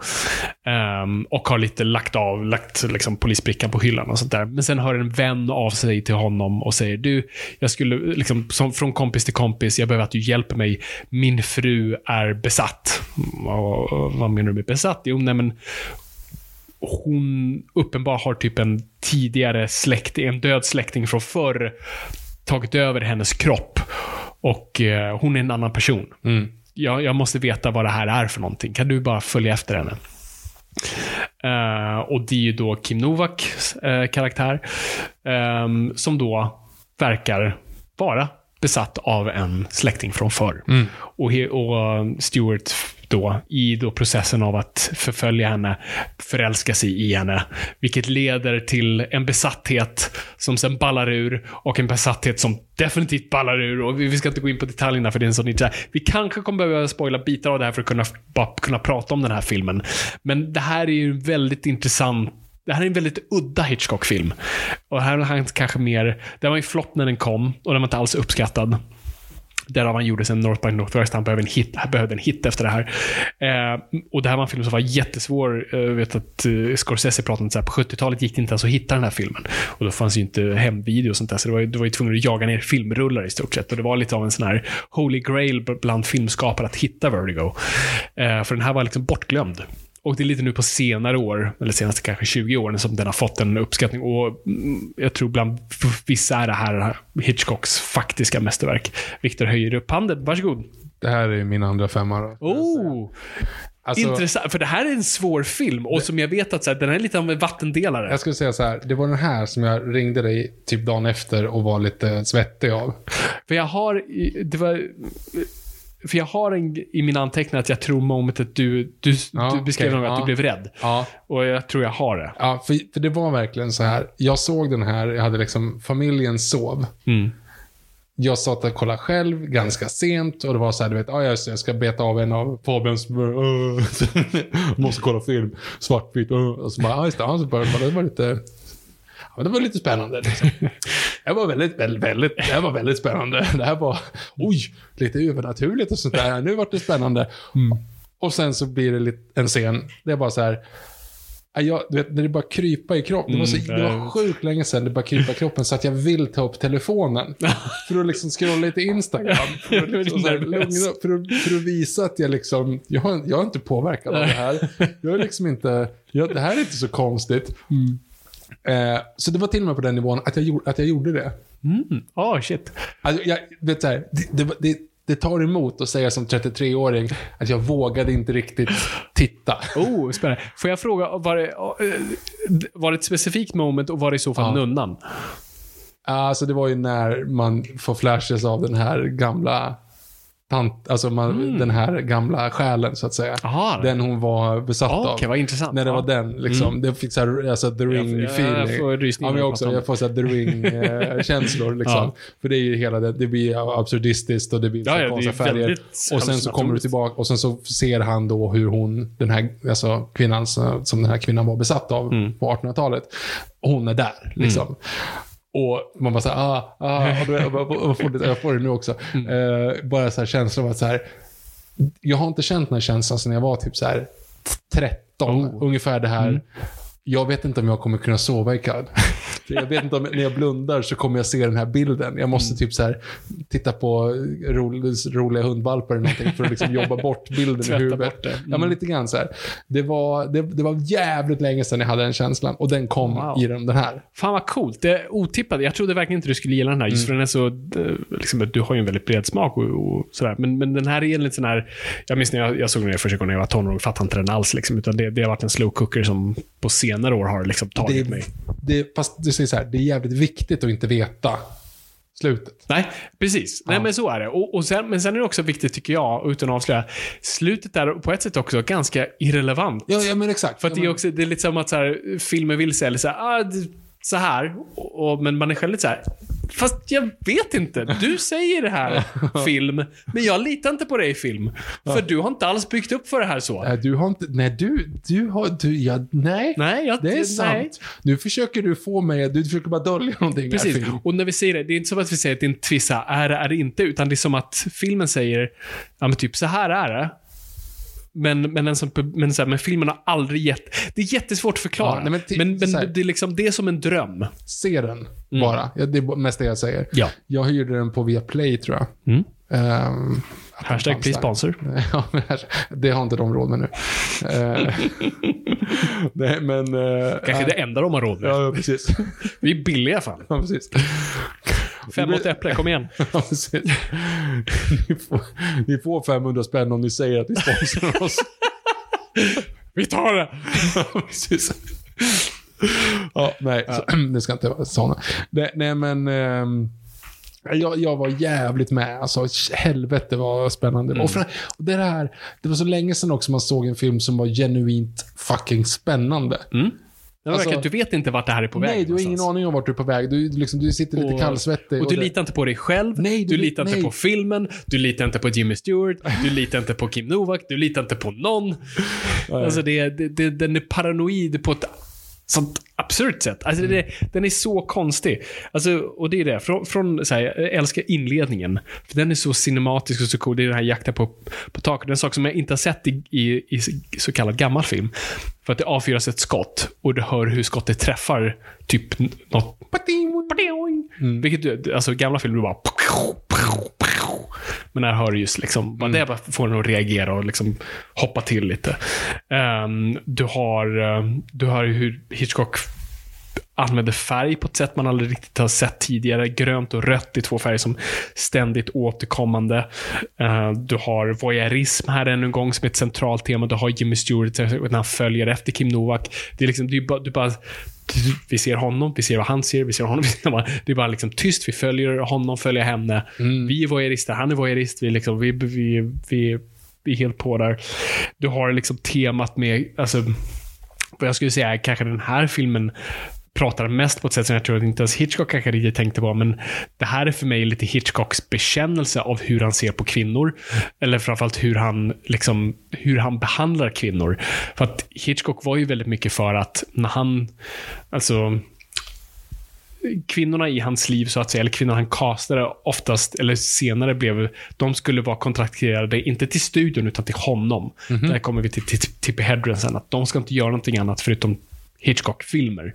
Han var väldigt besatt av kvinnor och han var ju väldigt besatt av deras klädsel i filmerna och sånt där. Och så det här har ju den här, alltså Jimmy Stewart som till slut ska liksom klä Kim Novak och liksom eh, varenda detalj med henne och han ska alltså grooma henne på ett sätt. Liksom Hitchcock. Så det här är lite som att så här, vi fick, får en weird inblick i hur Hitchcock ser lite på sina kvinnliga huvudroller på något udda sätt. Ehm, jag skulle säga att den är, och liksom, den reflekterar liksom, manlig besatthet. Det är liksom manlig besatthet on steroids. Ja, jo, jo. eh, kan man säga. Vilket också är en intressant grej att se den här tiden av film. För män är inte besatta av kvinnor på så vis i film vid det här laget. För då är det antingen då att kvinnor är liksom Uh, Dixie hello to Felix. Felix hello to Dixie. de är det, eller de är djävulens konkubiner. Att en man blir besatt är kvinnans fel. Och att hon är bara liksom ett sex hon har liksom lurat mannen. Men här har du inte riktigt heller det. Fast är det? Alltså det, det, det, den tar en annan vinkel på det.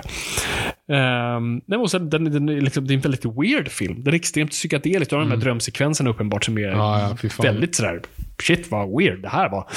Ehm, och sen är ännu en gång, den är så drömsk. Det, är alltså, det är lite som nästan en David Lynch-film på många sätt. Alltså, det är väldigt så här, det är långa sekvenser, det kan vara Jimmy Stewart förföljer i en bil och bara, vi bara åker med musiken och vi all, alltså det är så svårt och det är det jag älskar med den här filmen, att vi sitter och försöker förklara det. Det går inte. Det är liksom, du vet, som när man börjar berätta om drömmen man hade i natt och medan man berättar om den, ju konstigare låter det. Och så här, det här var ett misstag att ta upp det här. Du var du, men Mm. du var inte du. Och vi var här, fast det, det var inte här, fast det Nej. var ju här. Liksom. Fast det var egentligen Australien då. Precis. Och du var ju egentligen din farmor. Men, alltså, men inte, du var ändå du, Mm. fast inte du. Precis. Och jag var inte där.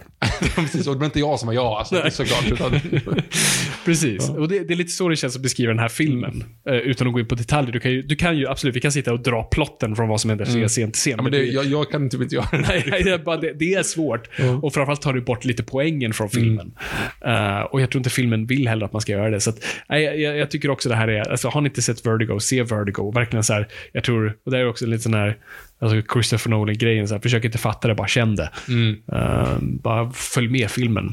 Men, ehm, men, och det, men jag förstår på ett sätt, det här var en flopp när den kom. Jag förstår att det här, det här var inte liksom den tidens biopubliks... Men den är inte lika straightforward som Rare Window direkt. Nej, därför den är väldigt tillfredsställande. Den är väldigt, den liksom, alla beats och alla liksom, du är med on the ride liksom. Det är, en- även fast den är jobbig och spännande så är det ju kul rakt igenom. Det här är inte kul. Nej, nej, nej. Det är, Det är jobbigt. plågsamt. Ja, Det är ja. jättejobbigt vissa scener. Du verkligen bara, vad, Jimmy Stewart, jag älskar dig. Du är typ, det, jag vill bli du när jag blir stor. Men nej, sluta. Ja, den är cool. Och så är det här med liksom den gamla kyrkogården och museet och det är väldigt, ja, det, och tav, gamla tavlor har jag ju svårt för. eh, ja, det var, nej. Nej, det är jobbigt. Ja, nej, och jag ska bara säga, nunnan är för mig, när, när den scenen väl dyker upp, då fick jag en sån där och jag visste att den skulle komma, liksom den här psycho-scenen. Och det bara, det bara kröp inom mig. Det var någonting där som bara, nej, Nej, för- för mig- absolut för mig inte. var det när hon dyker upp. Fuck off. Gamla, Ja. gamla vålnaden där. Det, det, det gick inte riktigt. Ja, kul. Nej, und- ja, ja, jag var glad jag blev. Ja. Att, att du gillar den här så mycket. Men, men som sagt, det här blev en flopp.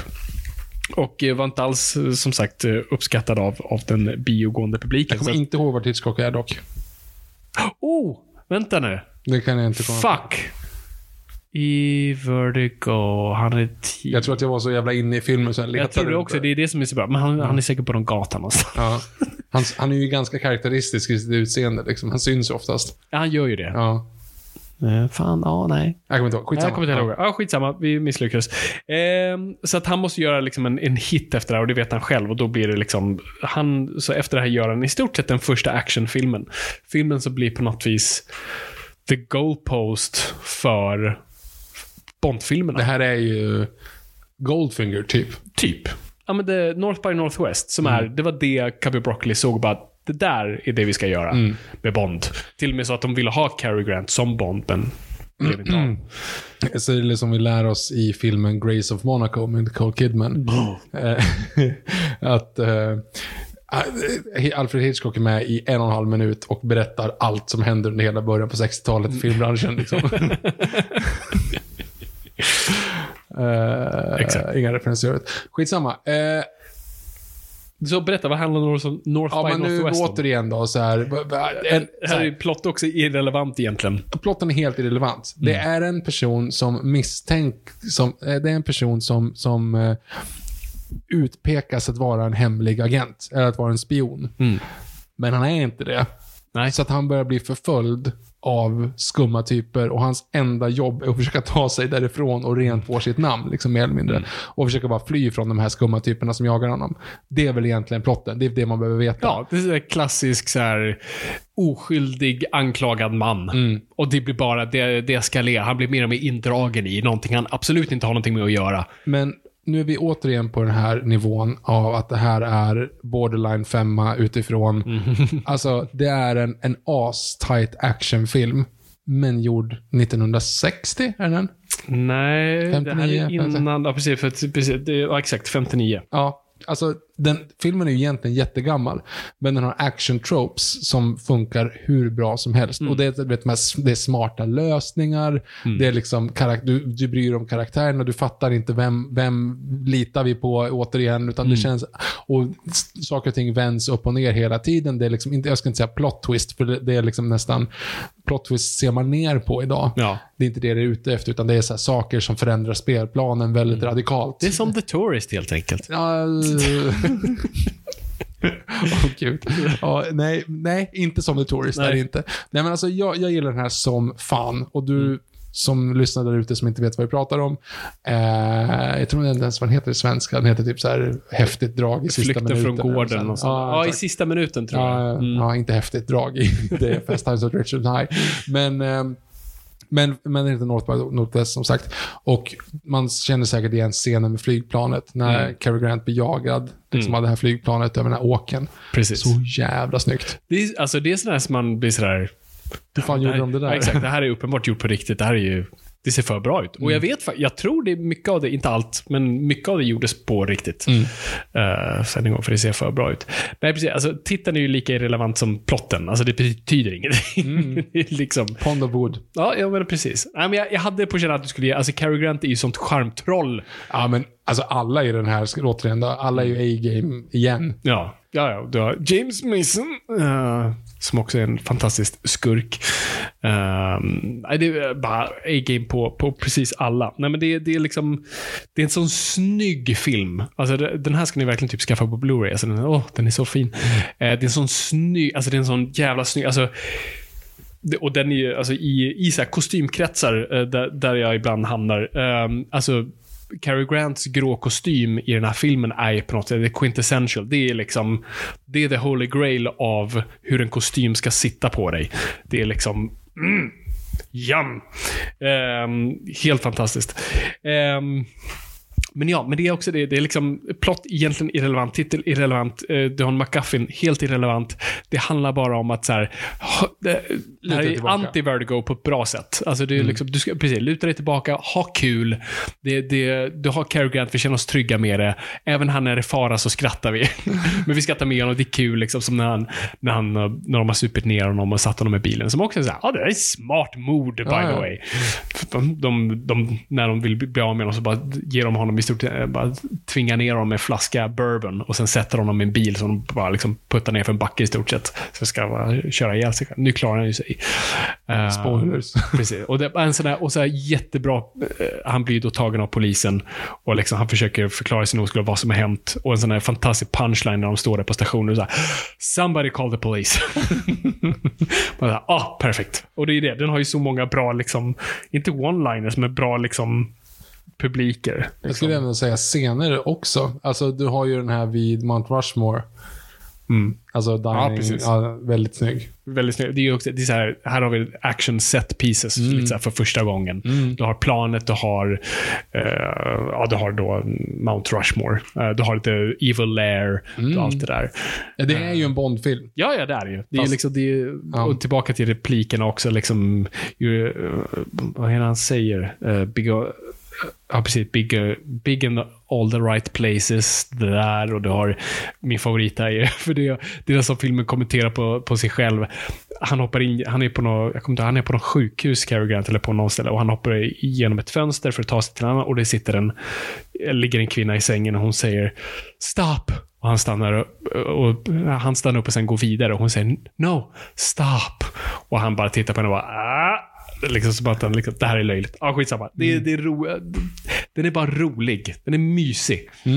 Eh, Ja, jag tyckte de var jättebra. och det är också alltså, en typisk Hitchcock-grej att så en, en stor, eller en stor, en, en stor plottpunkt i filmen är på i FN-byggnaden.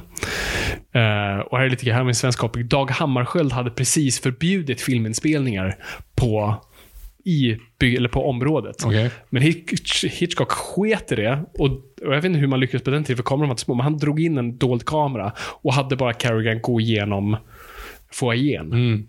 Och sen gjorde de resten i studion, men de ville bara ha den Ja, och de är inte riktiga statister då. Nej, det är fullt liksom, hemligt stämplad personal i stort sett och bara... Oops. Så sorry Dag Hammarskjöld, de gjorde det ändå. Det är så kul att de bara gör det och det liksom... Antar att ingen sen brydde sig, för att det är ju uppenbart kvar i filmen. Får se om det är med i Dag Hammarskjöld-filmen med Mikael Persbrandt som har premiär på juldagen. Det, något sånt här. Hashtag, Hashtag sponsor. please sponsor. Eh, Micke, if you're listening. Nej, men... eh, Och den här är ju också liksom... Den här är lite drömsk också på något konstigt För det händer ibland lite konstiga saker som är lite så här, Som hur det slutar med planet-scenen. Lite såhär, jaha, vad fan hände där? Du har slutscenen som också avslutas på typ tre sekunder. Eh, du har också det bästa sexual innu- innuendot i... Kommer inte ens ihåg. Det slutar med att... Det här är ingen spoiler, men det slutar med att tåget åker in i en tunnel. Ja, ja, ja. Förlåt, förlåt, förlåt. Ja, det är klart. Det är liksom, det är såhär, ah, okej. Just det, hon säger I'm a big girl och han, säger, och han svarar då in all the right places too. Typisk Bond-replik. Ja. Nej, men vad kul. I'm the money. Mm. Every penny of it. Ehm, I'm plenty. named after your father perhaps. Okej, vi fortsätter för nu kommer vi... Course you are. Plenty of tool. Makes no sense. Ehm, vi går vidare. Okej, För ja. nu är Hitchcock liksom on a high. Nu får han i stort sett göra vad han vill. Och vid det här laget har han också en supersuccé på TV, Alfred Hitchcock Presents, vilket i stort sett är en Black Mirror, eh, Twilight Zone-esk serie. Jag vet inte, har du någonsin sett ett avsnitt av? Nej. Ja, men det, det är liksom i stort sett små kortfilmer. Hitchcock liksom bara kommer in i början, säger någonting roligt och sen är det bara massa kortfilmer. Vissa var regisserade av honom, de flesta inte. Och det var allt från små spännande grejer till lite nästan spökhistorier till lite, ja men lite liksom smått och gott. Liksom, men med hans stämpel på. Det skulle vara liksom en, tim- en timme av suspens. Ska öppna julmust här nu. Ja, ja, det är, Oh, julmust. mm, vilket märke, Viktor? Eh, Apotekarnes. Hashtag please sponsor. För ni kan behöva... Jag vet inte varför man sa apotekarens, eller apotekarnes. Alltså, det är ju apotek-Arnes. Är det Apotek Arnes? Men läs. Apotekarnes. Alltså det är det, när man Ja, sagt men det ska... apotekarens makes sense. Apotek, alltså det är därför men jag då tror att borde det ju vara bindestreck och ett stort A. Ja, mm, ja, man kan tycka Kolla det. där borta, där bor Apotek-Arne. Ja, exakt. Han gör den där roliga drycken. Apotekarnes. Eller så är de dåliga på att stava. Säkert en mix av båda. De var fulla, som faktiskt uh, julmust var alkoholdryck en gång i tiden för barn. Var det så? Mhm. Jaha. Så det var ju i stort sett typ öl för barn. Mumma, med andra ord. Mumma? Mumma. Har du aldrig druckit mumma? Nej, jag tror inte det typ julmust och sprit? Ja, det Nej, julmust och öl. För jag tänker på memma, vilket är en finsk dessert som smakar jord. Men det... Du måste ha jättemycket socker och grädde för det ska gå ner. Jag minns smaka som en annan liksom bara... Vi hade bark och lite vatten. Tagit ett spadtag i trädgården bara. Ät! Ät! Åh, hej! Ah, hur som helst. Hitchcock har, har liksom, han har nu en, han har gjort en superhit. Han, hit, alltså han, är, han är så ikonisk man kan bli. Och än en gång då, liksom, vad, vad tänker Hitchcock då? Så, ah, jag ska göra en, eh, en, jätte, en större film. Jag ska göra en till North by Northwest. Jag ska göra en, en super ja, men Han kan göra vad han vill, men nej. Han köper en väldigt liksom, obskyr bok som är löst baserad på Ed Gein-fallet. Ed Gein som kanske är den första stora kända seriemördaren i USA. Um, ehm, som då liksom grävde upp kroppar och eh, eh, hade sex med sin döda eh, mamma och ah, klädde sig i kvinnokläder och allt sånt där. Han hade lite körigt. Han hade lite, han hade lite problem. Eh, och det blev, ju, alltså, det blev ju typ en så här, alltså, det finns- väl flera stunder i historien, men lite, en av de här man pratar om, USA förlorar sin oskuld, det var lite då liksom Ed Gein kom. Så att, ehm, det var ju en chock för alla. Så då kom den här boken Psycho. Som var, jag tror den var en ganska populär bok också, men det var ju väldigt snaskigt. Det var ju ingenting man liksom gör film på. Men ändå här, Hitchcock måste utmana sig själv. Så han köper boken, till och med han köper upp alla böcker. För att han vill inte att någon läser den. För att han vill att, liksom, han tycker det är så bra twist att ingen får veta om den här twisten. Och vi kommer tillbaka till det. Ehm, och han, på det dessutom, väljer att göra filmen för väldigt billigt. Jag tror 800 000 investerar mycket av sina egna pengar i det. Tar inte sitt filmteam, utan tar filmcrewet från Alfred Hitchcock Presents. Väljer också svartvitt, av förklarliga skäl, för att Mycket blod. ja, vi kan inte visa det här. Ehm, och gör filmen Psycho. Eh, som blir liksom, det är ju alltså om man säger Hitchcock, man tänker Psycho. Det är ju liksom, det är kanske det mest ikoniska. Den här måste vi kanske spoila va? Den här kommer vi spoila. Ja. så har ni inte sett Psycho, vad har du gjort? Och eh, i- annars, gå och se den. Den finns nog säkert... Den finns överallt. Fanns på Viaplay. Den finns på Viaplay. Här- Please hashtag sponsor. Och, och det som var så coolt med den här filmen, innan vi går på, var liksom... Det här blev en sån stor snackis. Hitchcock en gång, han, han var frontfiguren. Han var med på trailern. Det fanns till och med, han, det var så här, stora papper-cutouts av Hitchcock eh, till biografen, där det var en bild på honom där han står och pekar på sin klocka. För att vid den här tiden, något man lätt glömmer bort, att när filmer gick på bio, man, bara, man gick så ah, den här filmen börjar klockan fem. Utan man gick på bio och så klev man in och bara, vad är det här? Och så är man mitt i filmen och så bara, ah, ja, men vi, jag fattar inte riktigt, men vi, vi sitter kvar och så startar den igen och så ser vi hur det här började. Men han ville absolut inte ha det här. Så det var, han var väldigt mån att nej, du måste se filmen från start till slut och vi, kommer, vi stänger dörrarna när filmerna börjar. Så, Hur vågar du? Ehm, och sen uppmanar också till en väldigt stor så här, tystnadskultur kring det. Alltså, prata inte om filmen.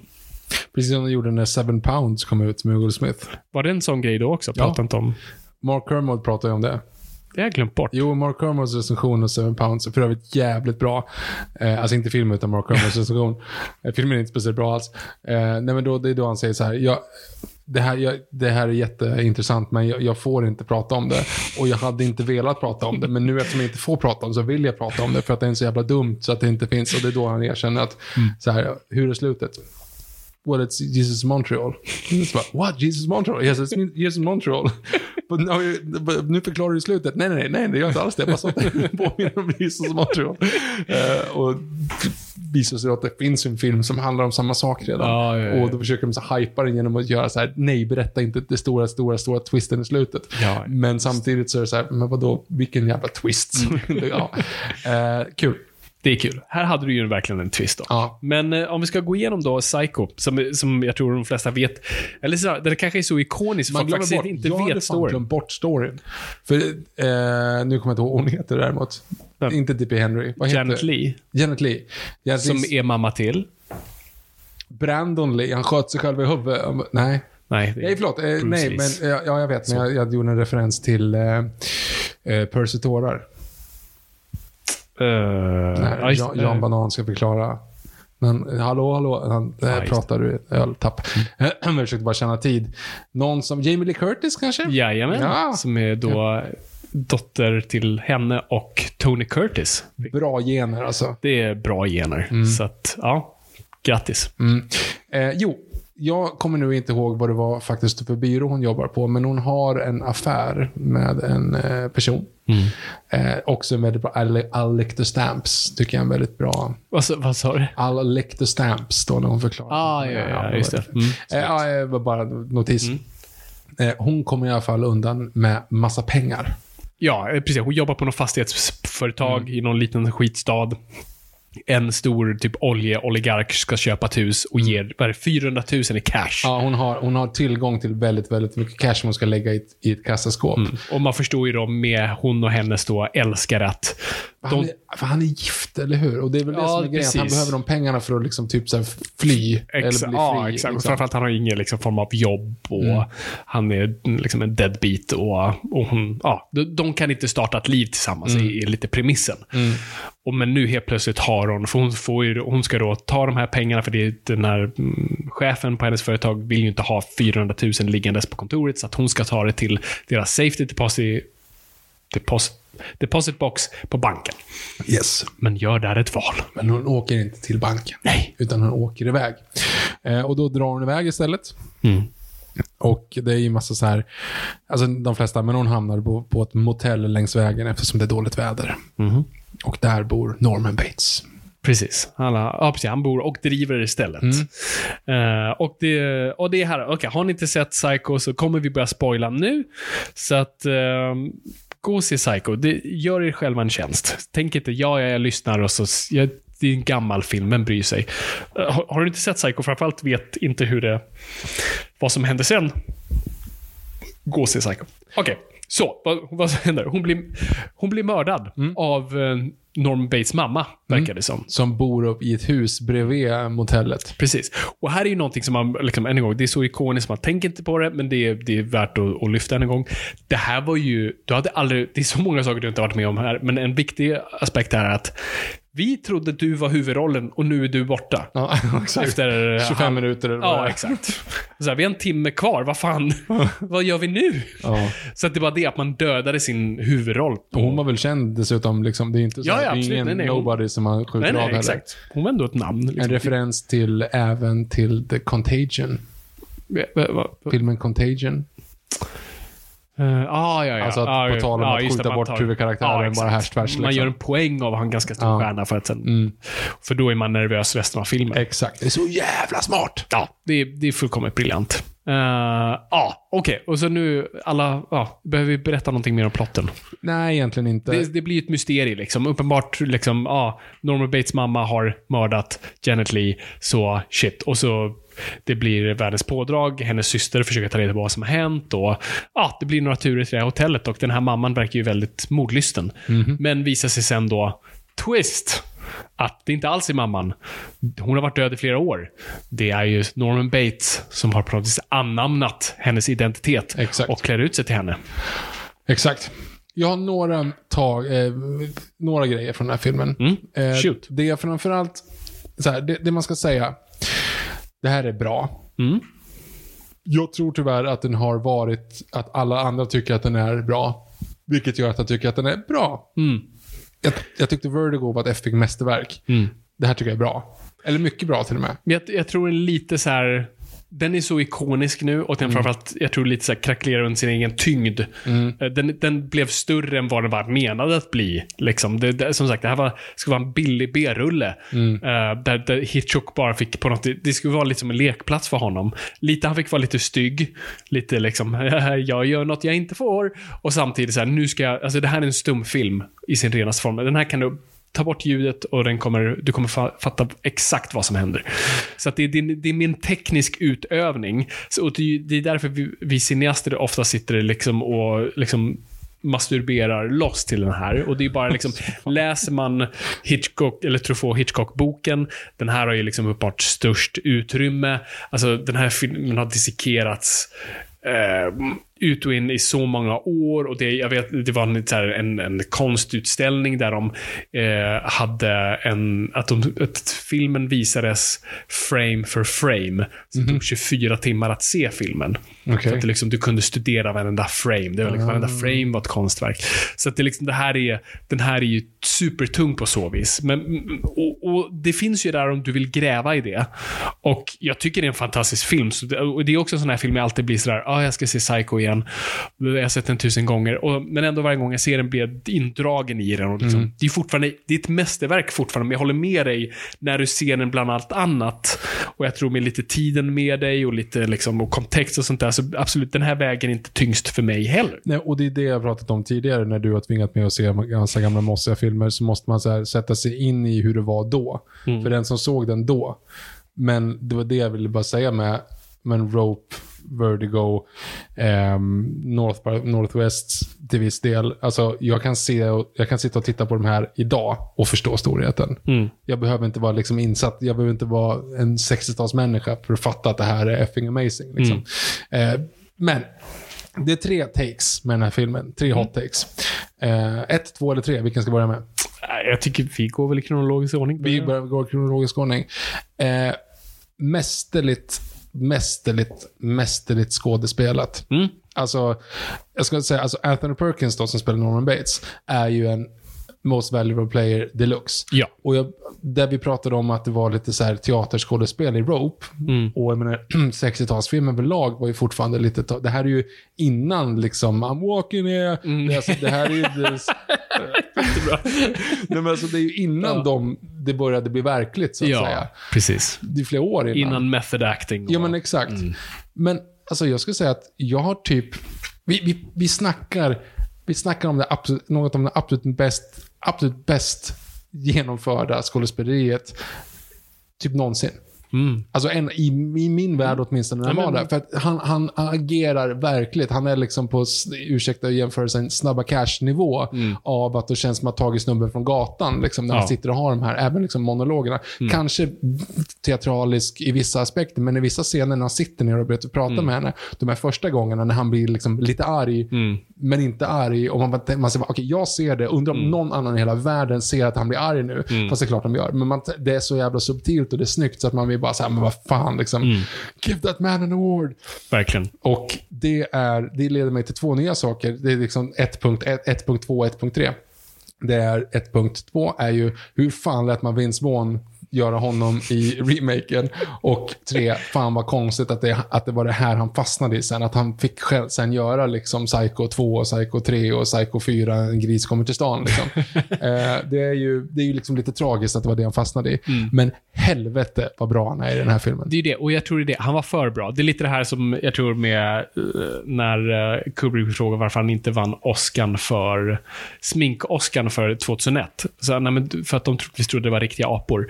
Alltså, jag tror det. Perkins var för verklig. Jag vet inte ens om han var nominerad, men om han, var nominerad, han vann i alla fall inte Oscar det året, vilket han uppenbart borde ha gjort. Och jag tror det var för att han var för...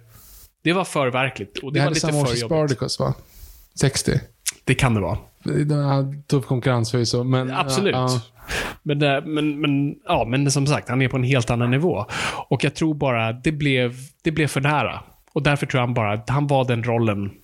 Liksom, tyvärr. Sen resten, han gjorde ju annat också såklart. Men, men han hade en ganska liksom, tragisk karriär och liv. Och, och det var ju tyvärr mycket liksom, psycho-tungt. Ehm, nej men absolut, han, han är fullkomlig. Och det är lite kul när han träffar kommissarien. Som jag, jag älskar, jag kommer inte ihåg vad den skådisen heter. och Han har varit med i Hitchcock-filmer förut och han är en väldigt klassisk skådis från den tiden. Men det är lite kul när de två pratar. Han är fortfarande väldigt bra. Men man, han är lite mer old school skådespelare. Och så mot Anthony, man märker att det här är två helt olika sätt att göra det på. Ja, det, jag, jag blev jävligt imponerad i alla fall nu när jag såg om den och liksom tänkte på det. Så om, om ni ser om den, så gör det med de ögonen att, att eh, Anthony Perkins är modern. Ja, verkligen. Och sen skulle jag säga, och jag håller med, han är ju på toppen av allt det där. Men sen nästan alla andra skådespelare är också bara väldigt jävla Ja, ja, bra. det väldigt och det bra. finns Ja, ja, gud, ja. nat- n- naturalism, jag kan inte ens prata. Nat vad heter det? Naturalism i det hela, i dialogen också. När med eh, Janet Leigh och älskaren, liksom, hur de pratar och hur, liksom, det är så här, vad fan, vad händer? Jag fattar, Mm. det här är en helt annan... Återigen, Alex the Stamps är kul. Men, men eh, jag tänkte bara, fast ja, han, alltså, han gjorde ju inte, jag kollade upp honom, jag kan inte säga att jag liksom känner så, men Anthony Perkins då, han var ju också, han har ju inte bara gjort den här så, men det var ju mer på 80-talet när han fastnade i de här liksom direct to, video-versionerna. Alltså han, han var ju ändå, um, Orson, han agerade väl för Orson Welles i Ja, han gjorde processen, processen. va? Han är, det, är, det är han som är huvudkaraktären i processen. va? Ja. Precis. Eh, han var väl med i mordet på Orientexpressen som då var på 70-talet. Det var väl precis som han gjorde nu, alltså en sån här A-list. Alltså liksom bara Ja, A-list det. rakt igenom. Då var han ju ändå klassad som en A-list, mer eller mindre. Så att det är ändå, han är ändå okej, liksom karriärmässigt så. Men då att han slutade i att han fick regissera Psycho 3 och, och Psycho 4. Liksom. Norman Bates, The Beginning. Yeah. Eh, jo, men min tvåa då, då i mina utläggningar. Eh, jag har kommenterat här nu bara för att jag tyckte att en film som är, alltså en, eller en scen som är så jävla spännande. Du vet, alltså när, när mot slutet där, när, när, när Vera Miles, då som skådespelerskan heter, när hon ska leta igenom eh, huset efter mamman. Och han försöker upphålla Norman. Alltså, du vet, det är så här. Ja, ja. Bomben, där är ju bomben ja, under men där är bordet. bomben under bordet. Exakt. Det är liksom, han försöker bara få honom att vara kvar, medan samtidigt försöker hon leta och hittar ingenting. Och du vet hela den Och också, grejen. han gör honom upprörd. Vilket Ja. Vad gör Men du? så, Varför? Vad, vad håller du på med? Bara spela med nu. Ja, precis. Idiot. Ja, men han kan inte låta bli egentligen. Ja. Han, han känner på sig något. Nej, det, det, det är en briljant scen. Och det är liksom så här, det är så jävla Och där ska jag säga egentligen så här, visst, duschscenen är ju, men den är ju gory fast utan att vara gory. Den är liksom så. Men det är ju, den scenen skulle jag säga är det mest liksom så här spännande rakt igenom. Den mest, mest verk, eh, mästerligt filmade scenen, eller mest kom, mästerligt komponerade scenen ska jag säga. Förutom då jumpscaren såklart när, när polisen dör och ramlar för trappan. Eh, också som du sa. Mm. Nej, men, ska vi prata lite duschscenen eller hade du en till poäng där? Eh, jag hade en, vänta vad ska jag säga, nu ska vi se, vad hade jag skrivit? Va? Jo, okej, min tredje poäng, kronologiska sista poängen. Här har du ju deluxe att man inte kunde göra slut. Att filmen inte kan ta slut. Ja, återigen samma sak. Inte att, att personerna inte kan, kan skilja sig, utan att de inte vet hur man gör ett slut. Vad intressant. Okej, utveckla. Okej, men s- slutet är ju att hon kommer ner i matkällaren, ser mamman väldigt, ja, mår inte så bra. Eh, vänder sig om, Norman Bates kommer in i kvinnokläder och gör något så här, "Ah!" försöker mörda henne. Norman Bates. Ja, exakt. Och försöker mörda henne. Han blir avväpnad liksom, och nedtryckt. Han ligger i ett hörn. Bara, "Äh", så bara, Klipp. Och sen är vi helt plötsligt inne hos en psykiatriker som kommer ut och förklarar filmen. förklarar hela hans grej i Ja. typ två minuter. Bara, hmm, jag tror att det var så här. Jag tror att hans mamma han hade en väldigt eh, stark röst där inne. Han, han tror att han är hans mamma och han tror att han är sig själv. Och du vet, han står och liksom förklarar bara hela så här, grejen. Och sen är filmen slut. Va? va? Vänta, men va? Det är, det är kul. Det där slutet är, vi har läst om det lite, för det, han han har många bra segment på Hitchcock, eh, William Goldmans bok, eh, bok, bok, bok eh, Adventures of the Screen Trade, eh, då han just pratar om det, så här, så här, att det, det slutet är helt absurt. Ja. Att du liksom har sju minuter monolog efter det, liksom sånt jävla... Om en karaktär du aldrig har sett för som bara kommer in och säger hej, jag, är en, eh, jag har utvärderat allting. Men han förklarade det som, och det var, det var en grej jag aldrig riktigt tänkt på, för han sa att när han såg den på bio då, vad han menade var att ingen lyssnade på vad psykia- eh, psykiatrikern sa, för att alla typ satt och småskrek lite fortfarande var, och typ pratade om upplevelsen. Så att man behövde den för att bara varva ner, alltså publiken började, du vet som en travhäst som inte får stanna direkt efter ett race för att explodera hjärtat eller vad det är. Lite så här också. Vi kan inte bara sluta filmen där, vi måste så här, uh, trappa ner så lång monolog bara satt ner. Och sen ska man ju också komma ihåg att så här, på det här, nu, alltså hur många dussintals filmer har vi sett kring så kallade schizofrena eh, filmkaraktär som har en eller flera personligheter eller personlighetsstörning och all gamla tråpar och sånt där. Vi känner till det här, men då hade man ju fan ingen aning. Varför går han klädd som sin egen mamma? Det här är ju helt absurt. Liksom... Dogs and cats living together. Alltså, vet man aldrig sett någonting liksom. Det, det, det är liksom... Ja, nej, det, det är helt absurt. Så du, du nästan behövde för att publiken skulle kunna köpa vad det här vi nu såg ens var. Ja, Det är jättekonstigt. Så att, så jag. Men sen gillar jag slutet någonstans för att det- den ger mig kalla creeps. När vi sen hamnar hos Norman och vi hör mammans röst. Och sen har du den här lite morph-bilden innan vi går över till bilen. När det blir lite från dödskalle till ansikte. Jag fick lite gåshud där. Eh, så den tycker jag är lite obehaglig. Ehm, ja, men intressanta hot takes. Eh, Inga hot takes direkt, men det var tre spaningar. Ja, men tre spaningar.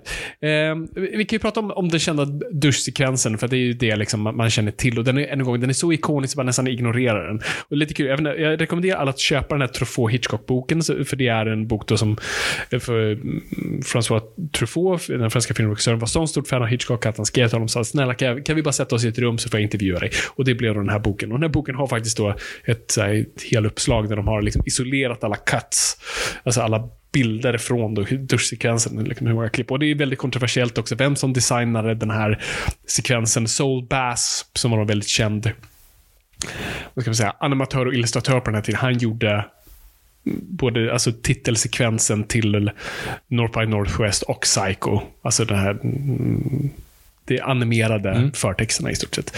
Och det sades att det var Soul Bass som också hade, det var han som hade regisserat duschsekvensen. Det har blivit för ikoniskt i efterhand så att man Ja, men folk tar på sig credits liksom. och så ja, visst han kanske hade, alltså jag tror Soul Bass absolut ritade storyboardsen, Mm. men du vet att det här är Hitchcock och han har kommit till, liksom, det finns, en gång, det finns ingenting på skärmen som han inte är fullt medveten om eller har haft ett finger i. Så Soul kanske fysiskt ritade, men det är Hitchcock som uppenbart har liksom riktat den handen åt rätt håll.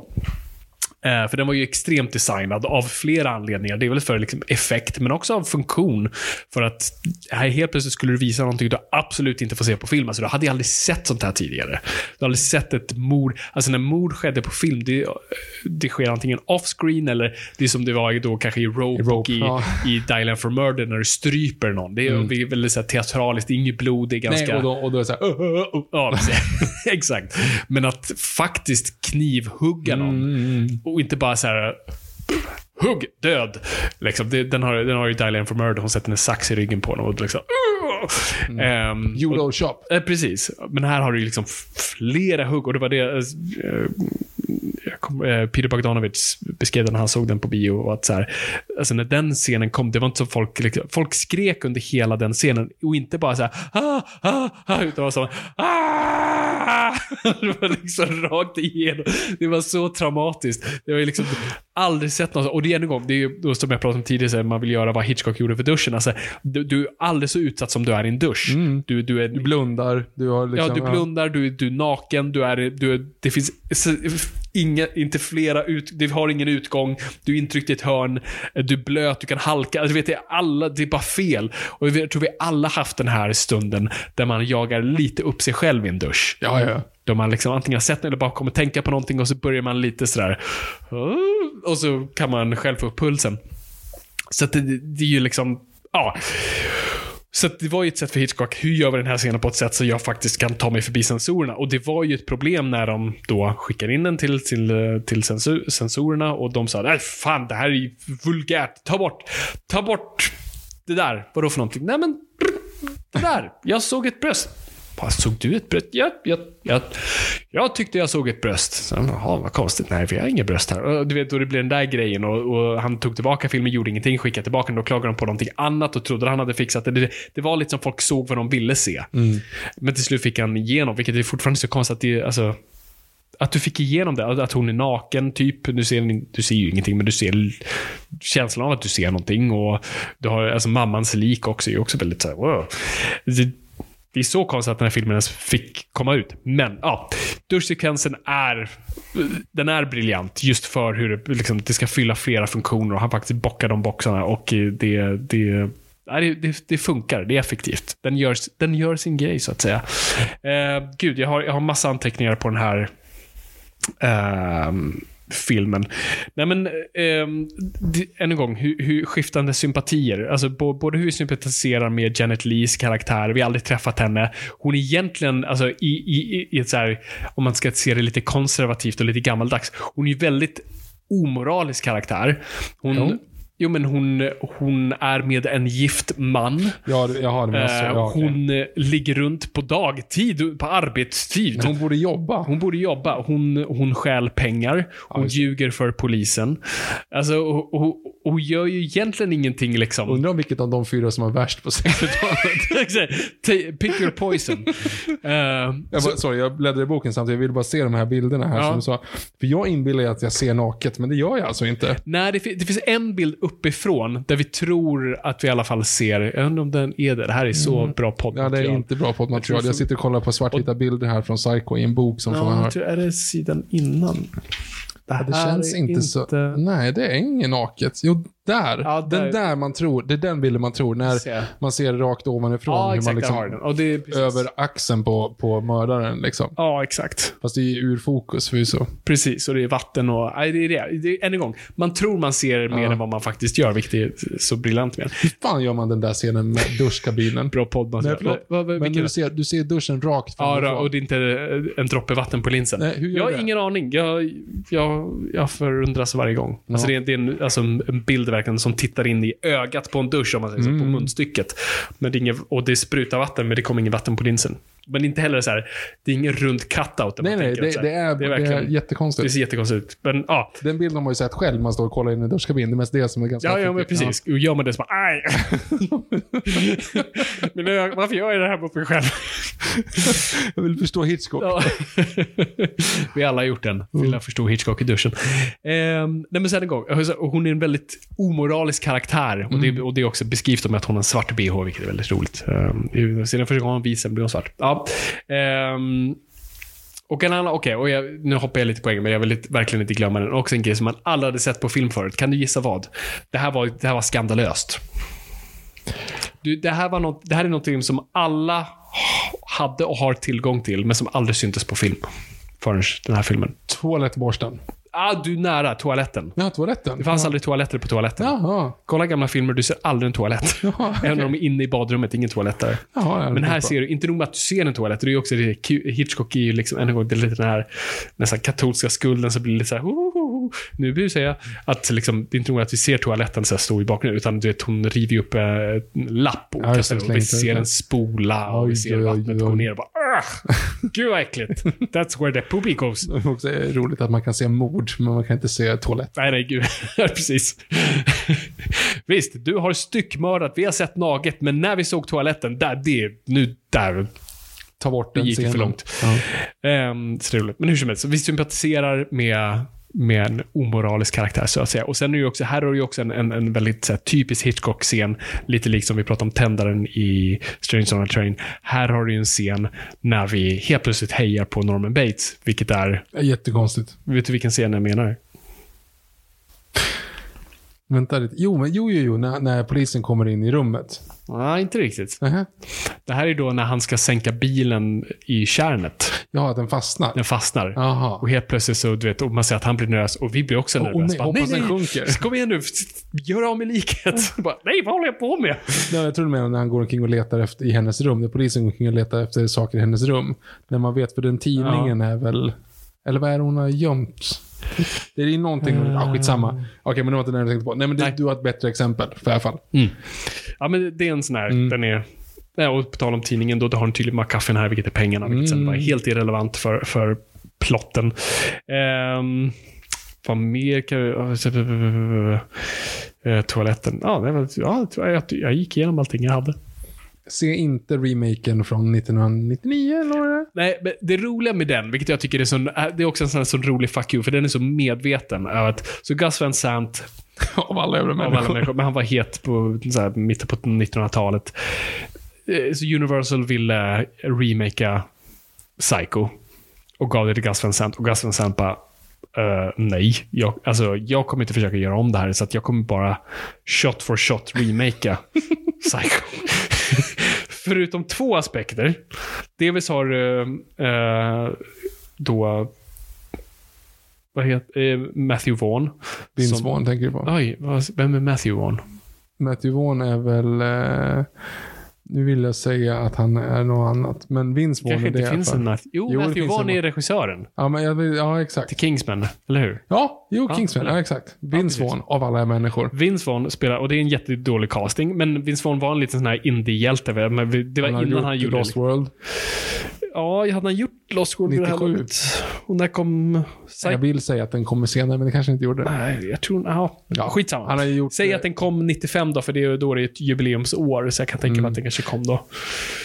35 år senare. Ja, eller 40 år senare. Kanske kommer 2000. Nej, det är för sent. Okej. Strunt samma. Han, Eh, han var med i City Slickers vill jag säga. Det heter inte alls det. Vad fan heter den då? Eh, med eh, Iron Man. Ja, nej men jag vet... eh, Hooters. Swingers. Swingers. Swingers. Hooters. det var- nära. ja, Swingers. Eh, ja, men så han var en indie-darling, så att det, jag tror man trodde att det var en bra casting. Det var inte hur som helst. Du har, du har scenen när mm, hans då version av Norm Bates-karaktären spanar in då på Anne Hayes i det här fallet, någon typ duschar är. Och då ruskar han tupp. Mm. Det är skillnaden. Det känns som att det behövde man ju lägga Nej, och det till. var lite så här, det är lite liksom det man tänker, alltså det är det den scenen typ handlar om. Att han Mm. är lite av en voyeurist och det är lite perverst. Vi fattar det. Vi behöver inte ha hela liksom Mm. lemmar och eh, sånt. Tupprusk. Yes. Och sen, sen ser du ju kanske lite för mycket av Anne Hayes också i en väldigt känd aspekt av filmen.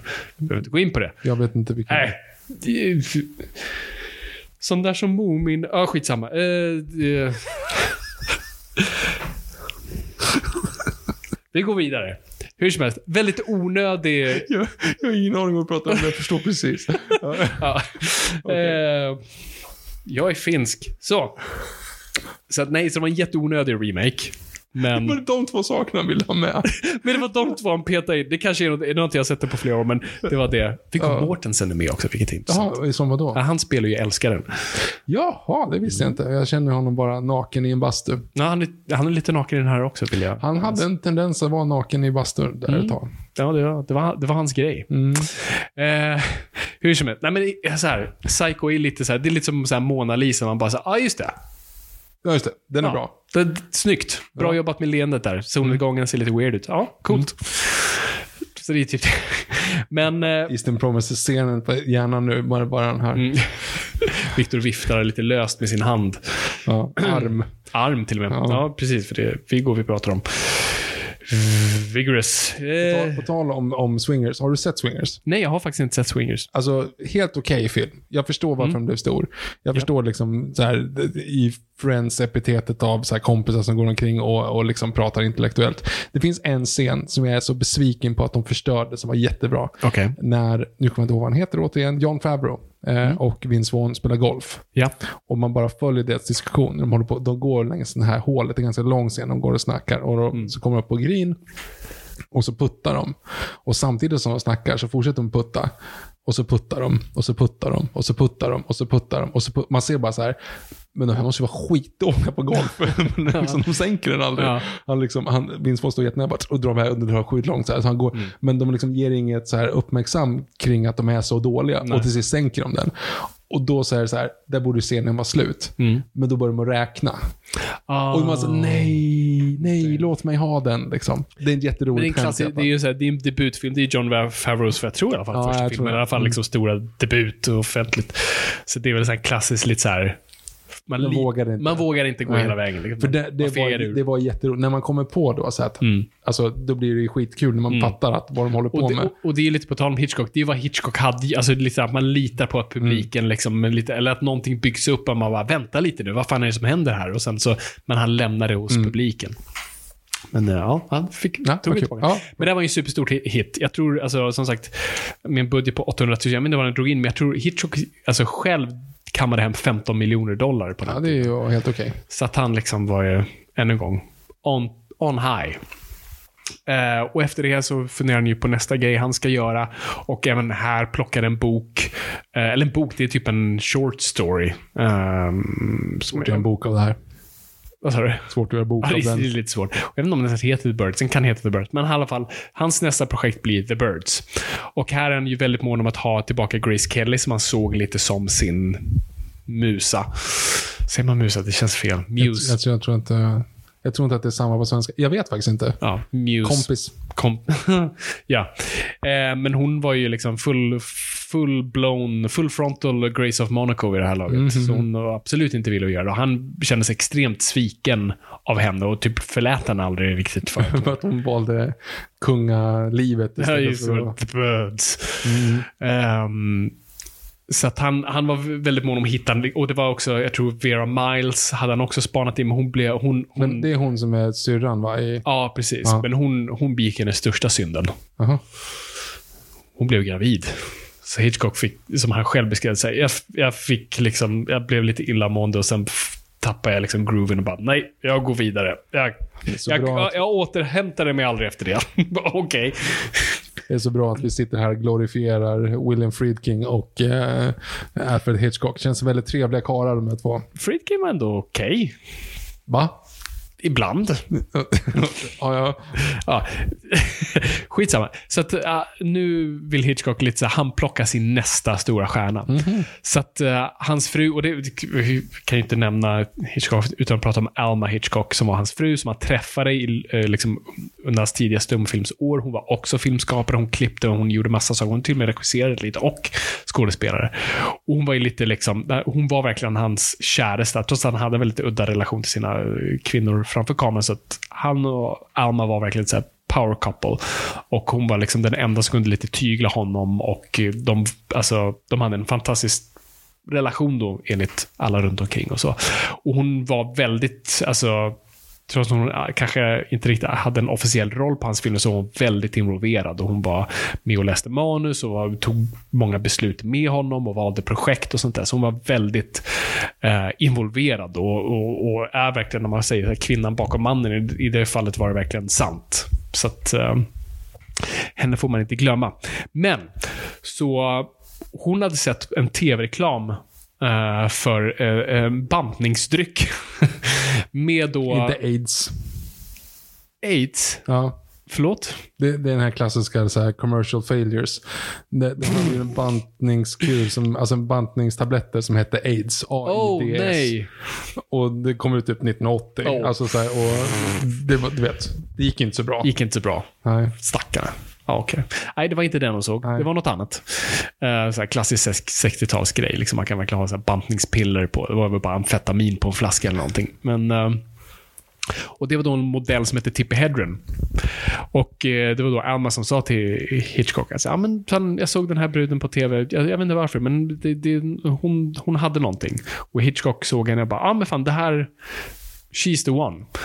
Så han, ja, han kallar inte till henne mö möte först, utan det gör en massa studiemänniskor. Hon får inte veta vem hon ska träffa eller vad det är för projekt, men de vill signera henne. Hon vet knappt i vad, men till slut får reda på att det är Hitchcock. Och han vill, han vill signa henne, jag tror för typ sju, är det sju år, mellan tre och sju år, och sånt där. Och liksom jobba exklusivt för honom. Mm -hmm. eh, vilket hon gjorde. Eh, och vilket slutade sen liksom, jättedåligt. Hon, han, han höll henne typ alltså, fången rent inte äh, fysiskt fång, men kontraktmässigt. Hon fick inte göra någonting. Och, han bara, och framförallt, alltså, hon är väl det mest kända fallet av att vara ett offer för den här mannen. Och han behandlade henne inte så väl. Och det leder oss in då till Fåglarna som då blev då den första filmen de gjorde tillsammans. Där vi då verkligen har liksom att, alltså, han kastar måsar på henne. Men vi kommer till det.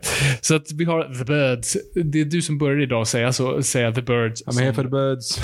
Exakt, som Pierce Brosnan i Dying of the Day. oh. Even my father said that. Eller his father. Even his father saw it. Full Irish. Ja, ja. Nej, men så The Birds skulle vara Hitchcocks nästa stora thrill på så vis. Och eh, Victor, vad handlar The Birds om? Eh, fåglarna går bärsärk och börjar mörda folk. Precis, de börjar mörda folk. Ja, nej, men exakt. Det, Tippi Hedren eh, är eh, lite av en lömsk figur. Uh, hon verkar kanske inte ha uh, helt rent mjöl i påsen, så att säga. Och efter att ha träffat på en man på en djurbutik, kallar man det så? Ja. Ett zoo kanske? Ja, och hon känner sig lite förnedrad för den här snubben vet vem hon är och vet lite om hennes bakgrund. Så hon känner sig lite förnedrad, så hon vill lite sätta dit honom, fast på ett gulligt sätt. Så hon köper ett par fina kärleksfåglar och ska åka ut till då hans familjehem ute typ i, vad kan man kalla det, skärgården, fast i USA. Um, väl där går fåglarna, inte just de fåglarna, utan alla andra fåglar bärsärk och bara mördar människor. uh, och ja, det, är så det är lite av sån här, alltså det är ju typ en, uh, pop, inte post, en apokalyptisk film om typ, mm. liksom, nu, fåglarna går bärsärk och mördar människor. Så att det här är, ja, så det här är ju också en sån här, när man tänker Hitchcock och pratar Hitchcock brukar man säga ah, Psycho the Birds. Och det är väl lite för de kom typ samtidigt och jag vet inte varför Birds har blivit sån, sån ikon. Och den pratas ibland i lite liknande ikoniska termer som Psycho. Men jag är inte riktigt där. Jo, här, jag är inte här. Jo, jag menar, men alltså jag håller med dig. Jag menar mm. att det här, jag, det här är ju en... Nej, Nej. jag tyckte det här... Den här funkar inte för mig. Och jag säger det här som en ornitofobiker. Alltså jag hatar fåglar. I know. Uh, och vissa i podden vet också att jag, liksom, jag, jag, jag, jag hatar fåglar. Jag tål dem inte. Uh, och ja, tack kära lyssnare för att det var en dag då både Viktor och uh, Molgan och några lyssnare skickade samma tjäderklipp till mig på Instagram. uh, på ett sätt fan respekt för andra. Ni dåliga kompisar. Oh, så att ja, vi tackar för den. Men, så att jag, så jag, jag borde ju vara liksom prime audience för den här. Och absolut, när, när man ser liksom närbilder på måsar som typ så här, äh, biter folk. Alltså jag, absolut, jag får så här kalla kårar, men inte på så här, åh vad snyggt, utan bara ew. alltså det är lite så här, för mig är det som att kolla på Human Centipede. Lite så här, ja absolut, det är klart jag kommer tycka det där är äckligt. Vad mer kan film för det. Nej, nej, precis. Så, att, mm. så för mig är det liksom en, en konstig film. Så här, varför fåglar? Uh, alltså när man, jag visade det i trailern innan. Den var bättre än filmen. Ja, men lite grann så. så än en gång, Hitchcock typ är stjärnan och Hitchcock-trailern uh, till Fåglarna är honom i typ vad man, nästan som ett study room. Liksom. Fint bibliotek. Där han pratar om människans relation till fåglar. Och han pratar om egentligen, alltså han pratar om hur fantastisk relationen är, men exempel han drar är ju bara hemska. Alltså, han visar liksom en hatt där en uppstoppad fågel är på, det som man hade som så dekoration på den tiden. Han säger, men hur vackert är det inte att den här fågeln fick liksom pryda den här kvinnans fina hatt? Hur stolt kan inte den här fågeln ha varit? Ja, men han drar lite den grejen och pratar om, och här är fåglar i bur, den har oändligt med drickbart vatten och blir matad varje dag. Vilken lyx har inte den här fågeln? Ja, han, och han håller på sig i fem minuter. Och sen kommer Eh, Tippi Hedren och, äh, Tippi Hedren och skriker. Um, ja, the birds. De mördar folk. Um, och det är i stort sett trailern. Eh, och det, som du säger, det är typ en bättre, bättre den trailern är bättre än filmen och framförallt bygger den in nästan lite så här, ah, så att typ motivet är typ hämnd. Fåglarna har fått nog. Ja, exakt. För det, det, det finns ju mer logik i Birdemic än vad det finns i Bird. är det en anledning i Birdem? Är det ett virus ja, men eller? nej, det är på grund av uh, global uppvärmning. Ja, ah, just det. Så var det. De blev, blev varma. Ja, de exploderar. Just det, de dyker ner mot Ja, och exploderar. Fantastiskt. Ehm, ja, nej men så, absolut. Den här filmen har lite liksom så här, ja, lite, eh, än en gång Hitchcock-grepp och lite så cinematiska grejer. Men eh, det, det här är lite så här första filmen man lägger på så ah, det här funkar inte. Det finns en scen då, du vet, mm, när de är inne på den här restaurangen och fåglarna attackerar igen. Jaha. Och, jaha, och det är en snubbe som tankar bilen. Vet du scenen jag syftar på? Eh, inte på Ja, en, så, så en mås dyker ner och slår till honom. Så han, det, det, det är svårt att hålla straight face. Så att han trillar ihop och svimmar. Eh, och eh, en annan snubbe står typ och röker längre bort. Det är lite komik liksom. Och de börjar skrika på honom och säger nej, tänd inte din, din cigarett, du kommer explodera. Vilket händer. Och då ser man liksom eh, förloppet med hur liksom bensinens, hur det har runnit ut, hur den fattar eld och är på väg upp tillbaka mot bensinmacken. Så varje gång vi klipper dit så klipper vi tillbaka till Tippi Hedrens ansikte och då använder Hitchcock greppet att hur hon reagerar gör hon stilla. Så hon liksom, hon tittar först på hur elden där och då tittar, ja, det här är svårt i ljudmedia, men hej, vi är världens sämsta podcast. Så hon tittar liksom, som att det går en stillbild så här med öppen mun så här, "Ah." och sen nästa bild hon flyttat, och så klipper vi tillbaka till elden och så klipper tillbaka till den. Då har flyttat ansiktet, tittar lite längre fram och bara, ah, ah. Det, och han gör så typ fem, sex sådana klipp och det bara ser jättekonstigt ut. Jag förstår inte riktigt vad han vill. Han, typ. exakt, jag menar vad han vill åstadkomma med det och vad det, vad det fyller för funktion. Och sen är det problemet en gång, Hitchcock hatar att vara utomhus. Så att uh, allt är studio. Vissa är snygga projiceringar. Jag kan säkert visa dig några som du tror är utomhus, men faktiskt inte är. Vissa är jätteuppenbara som när de sitter i båt och sånt där. Ehm, en snygg scen, det är ju faktiskt utanför skolan. Ja, men visst är det hur de filmade? De sprang på ett löpband och, och det, Ja, det innan massa det. personer och Det alltså- fåglar på dem. Exakt. Vi kommer till det. Men det är I hinkar. Klart som fan de biter. De är ju fan helt shell-shocked. Men hur så, innan det så Tippi Hedren ska gå till den här skolan där den här läraren bor och hon ska hon ska Ja, få ögonen. Nej, Nej, okej. det är innan det. Nej, det är innan det. Okej. Så att hon ska bara prata med dem tror jag. Och då sitter hon ute och röker och, och vi hör hur mm, eleverna sjunger en sång. Vilket var lite kul att den här sången var för kort för scenen. Så Hitchcock beställde att fler verser. Så att den skulle bli längre. Men nu så är Tippi Hedren sitter, hon kollar på skolan, hon sitter och röker. Och varje gång vi klipper tillbaks till eller vi klipper då till en så jungle gym, så här klätterställning och så här. Och varje gång vi klipper tillbaka så är det lite mer fåglar på den. Den liksom fylls på varje gång. Och det är en snygg så här, den är väldigt obehaglig. Ehm, men sen en gång så blir det ett rullband där de kastar fåglar och hinkar på barn. Och det, och det, det har ju beskrivits då av de här barnen att det var verkligen en, en kamp för deras liv. Att hamnar du längst bak på det där rullbandet, you're next. Då fick du en korp i nyllet liksom. och det var liksom jättejobbigt. Så att liksom, folk blev ju bitna. Jag vet inte, fanns stelkrampssprutor på den tiden? Men För att inte SARS, eller nej, fågelinfluensan, vad är det? SARS? Ja. ja. Den, upp, den är säkert patient zero, en noll på det där bandet. Liksom. det. Nej, och det, och det var ju liksom, fåglarna var ju liksom ett, delvis ett problem. Du hade ju korparna. Det är korpar, eller hur? Ja, det- korpar, de- kråkor, let's ja. go allting.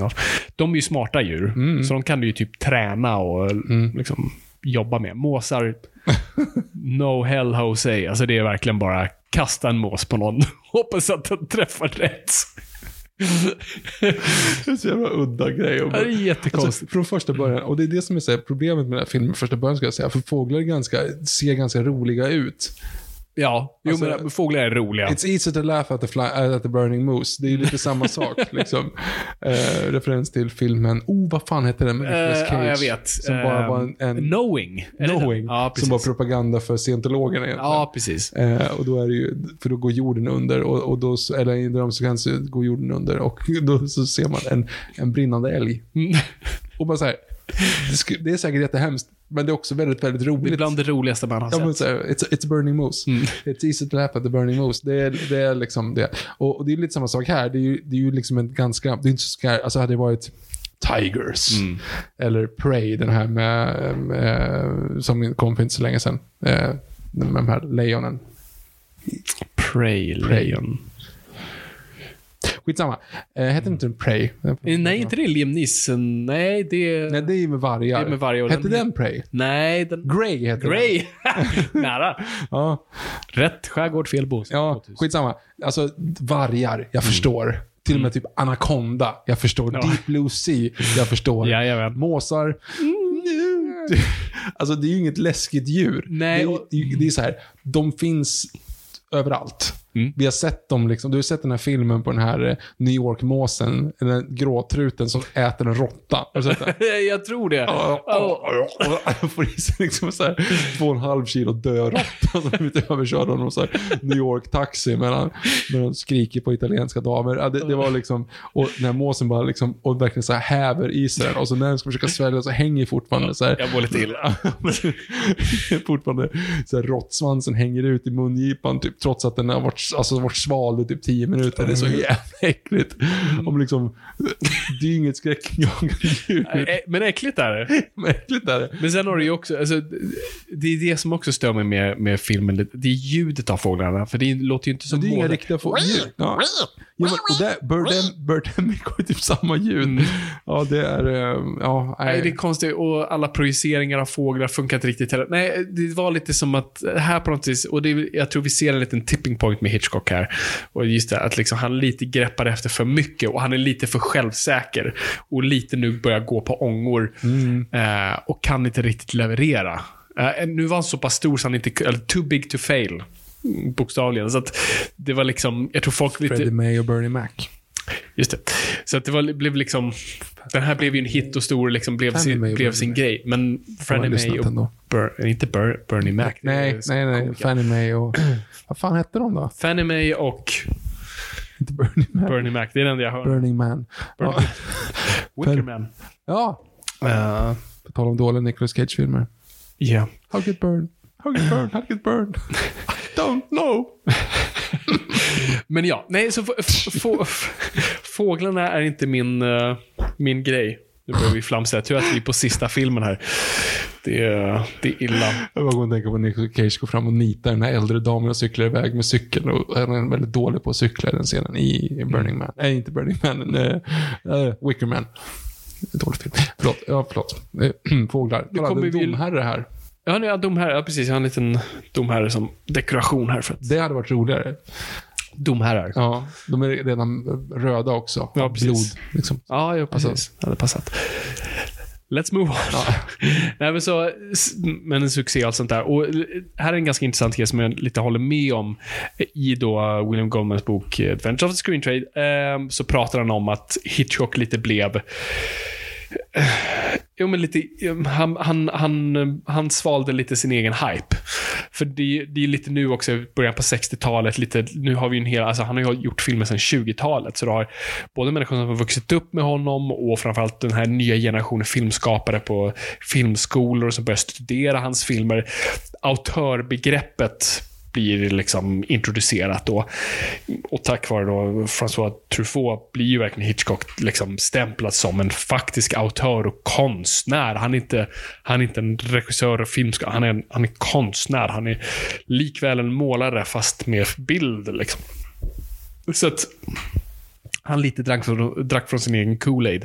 Um, för att filmen han gör efter Fåglarna är Marnie. Med Sean Connery, så att jag har lite en soft spot för den. Och Tippi Hedren. Um, men som är också lite sådär... Han, det är där han går lite över också på att det, nu ska det vara lite konstnärligt och lite udda och han är, nu tar ju på gränsen till lite våldtäktsteman som han drar lite för långt. Um, och den är, den är, den är liksom den har lite den här vertigo-besattheten fast lite åt fel håll.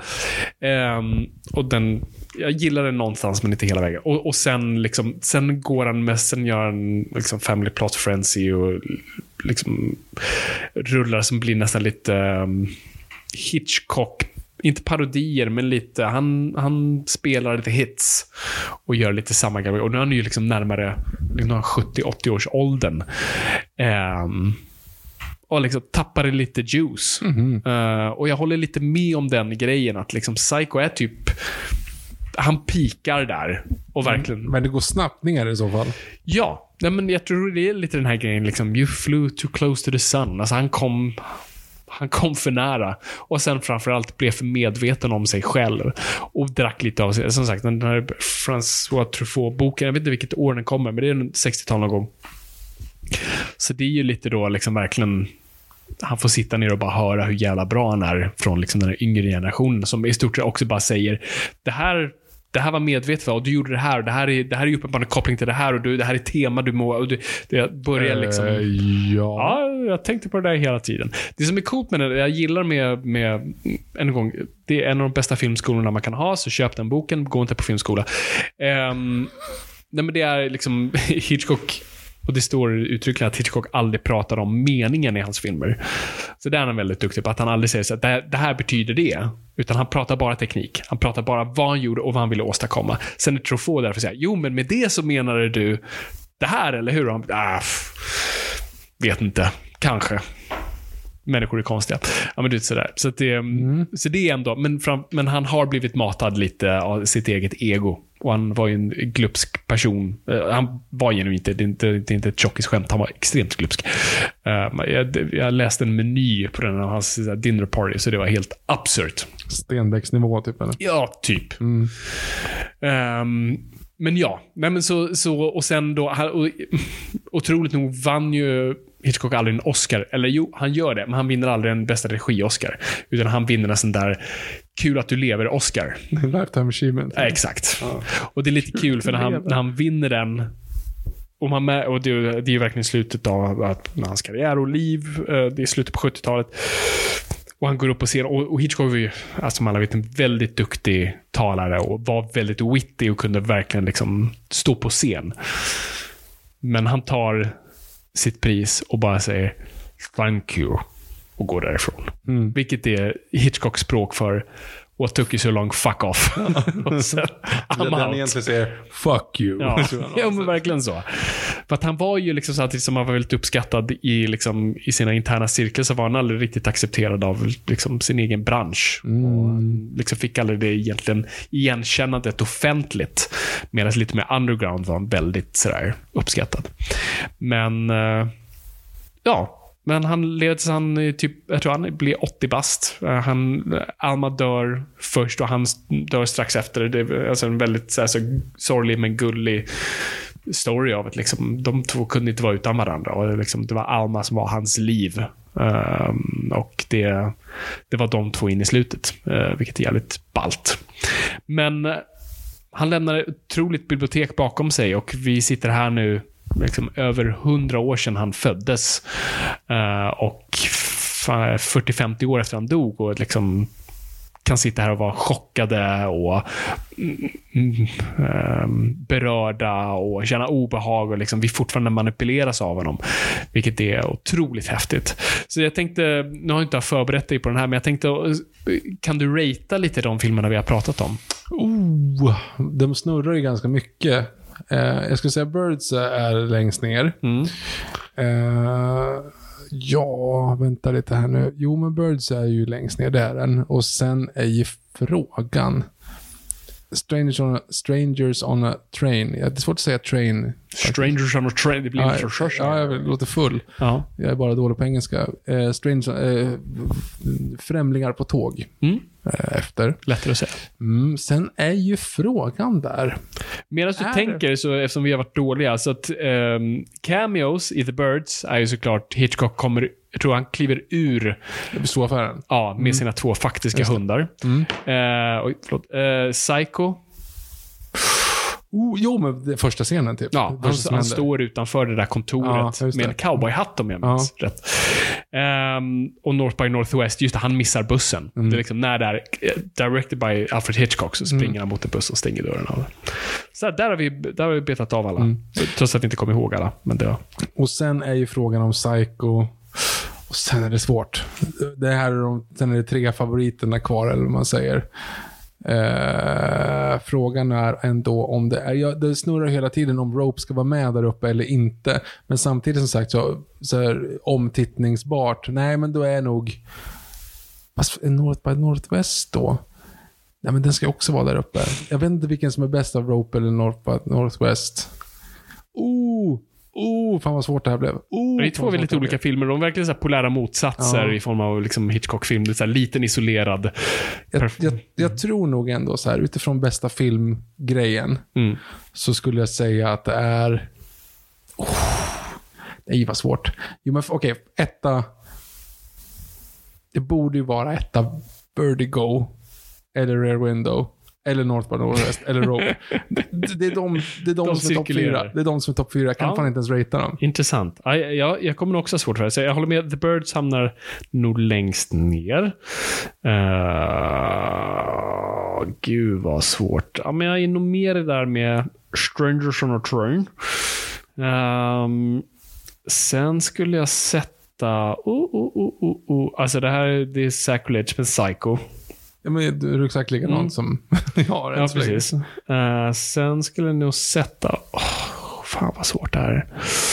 Ja, nu är jag också där. Va? Ja, för vilken cirkulerar vem? Det beror Eh, på vad man är sugen på. Som Ja, men jag jag- jag- om, de enda jag såg om var Rope. jag är Alltså, hård nu, så jag den säger, jag, säger, jag säger Rope, jag säger North by Northwest, jag säger Vertigo och eh, först är faktiskt Dial for Murder. Alltså, och är- den såg inte jag, så Nej. den. Men den, den är nog, den är min så här... Det är lite Rear som, Window då?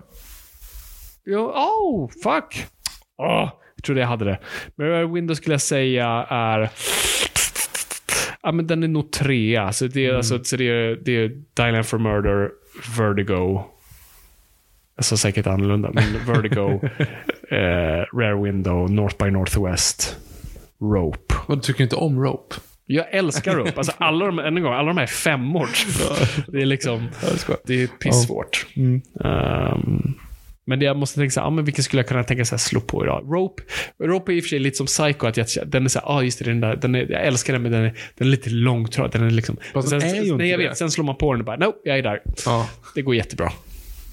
Det är, en, det är också en fantastisk, jag är mycket med fredagsdrinken. Det är den perfekta fredagsdrinkfilmen. Mm. Gör dig själv en martini, sätt dig ner och kolla på Rope. Rekommendation. Mm. Valfri drink, behöver inte vara martini. Not sponsored. But please do. Ja, men eh, hoppas att det här var okej ändå. Ja, precis. va? Var, var det värdigt eh, denna mastodont till, till regissör? Ja, jag säger, ja, jag tror, jag är stolt.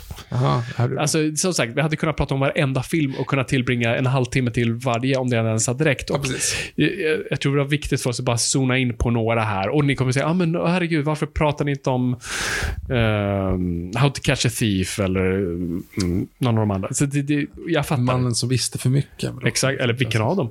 Um, finns två. Um, Tjejen som visste för mycket. ja, just det. Goldie Hawn. Uh, Hajen som visste för mycket. Nej, Nej, men det är väl en Hasse och Tage, va? Nej, det är... Det är mm, de, den andra komedi, det är mm, Galenskaparna. Galenskaparna, för sig. Just det. Förlåt. Eh, nej, men tjejen som visste för mycket är med Goldie Hawn. Yes, Ja. korrekt. Jag tror inte den ens heter så på engelska. Nej, jag har väl ingenting med saken att göra. Strunt samma. Men, eh, så nu har vi, vi har ju en stor regissör kvar, det är Billy Wilder. Det kommer inte bli nästa. Men, vi har något riktigt bra för nästa. Vad har vi? Ja, det har vi. Vad har vi? Jag har sagt det här till dig, men du, du kommer ihåg det när jag, när jag kommer säga det nu. Ja. Så det, Säg vi kommer det, göra säg det nu då.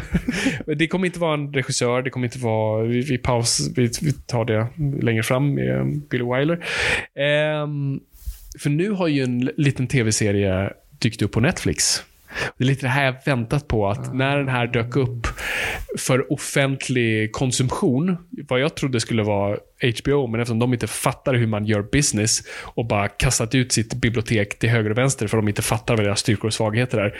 Alltså, på ett sätt, HBO var alltid min favorit och, och, och Warners, men de har ju så här skjutit sig själv kontinuerligt i benet sen pandemin uh, och fattar ingenting. Hur som helst, de har sålt, eh, inte sålt av, men hyrt ut sina properties lite här och var. var en av dem är Batman the Animated Series, som nu finns på Netflix. Inte hela, men en del av de flesta av beat-ass. Eh, men du har inte eh, Batman Adventures eller något där. Så att, vi får nöja oss med det. Så att jag tänkte, men now is good time as any. Att prata om Batman the Animated Series. Så att det är vad vi ska prata om härnäst. Vare sig du vill eller inte. Får jag får skaffa Netflix då. Eh, har du inte Netflix? Nej. Det är väl den alla har i sin så här grundarsenal. Jo. Den, liksom, den bara ligger där och... Jo men, jo, men nu får man ju inte ha den om man Jag inte bor tänkte säga där. så här, du kan låna mitt inlogg, men det Nej, kan man man ju får inte göra. det. Nej, men det finns väl en gratisperiod då? No. Ja, vi får väl lösa det då. Vi löser. Du kan få låna mina DVD-er. Jag får åka hem till dig och sitta och kolla här. Eller gräva fram ditt Playstation och Ja. kolla på DVD-erna. Det är okej. Ja, Vi fixar det. ja. Eh, så det tänkte vi. Så vill ni förbereda för nästa avsnitt, kolla på Batman the Animated Series. Vi kommer väl göra lite liknande upplägg. Så jag bara säger vad vi gör nu, Victor. Du behöver... jag, jag bara bestämmer här. Jag tar en saffransgiffel här så länge. Hashtag not sponsor. Eh, but please do. Ehm, så vi, eh, vi kommer nog zona, jag kommer välja ut några avsnitt som vi kommer prata om. Jag kommer förvarna om, om vilka det, det är. Eh, Ska vi spela Almost Got Him också då, live i podden? oh, jag skulle vilja, jag har fortfarande inte gjort det än. eh, för att jag har alltid varit för få. Man kan inte spela själv. jag tror man måste vara minst tre eller fyra. en julklapp av mig för typ sex år sedan. Jag vet. Men så här, vem, vem ska jag spela med? Jag har inga, jag har inga vänner. När ska jag någonsin Det är jag och mer än en person? blodkrukan och min eh, kära hustru. Men hon är inte jättesugen på att spela ett Batman the Animated Series-spel. Så vi kanske får... Vi måste, du får ta hit någon. Vi kan ta båda våra fruar. Det är för, det är för pinsamt. De hade inte gått med på det ändå. Nej. Vi får lösa det där på något sätt. Mm. Ehm, men ja. Så Det där. går någon där utanför på gatan nu. Ropa in det. Precis. Du där! Jag? Precis. Vi nu, nej, det har gått fram. Så, vi bommar igen där. Vi, vi, vi ses när vi ses. Det ska inte ta så här lång tid. Det det kanske gör. Viktor, du ska ju göra någonting mitt emellan, men det mellan avsnitt här.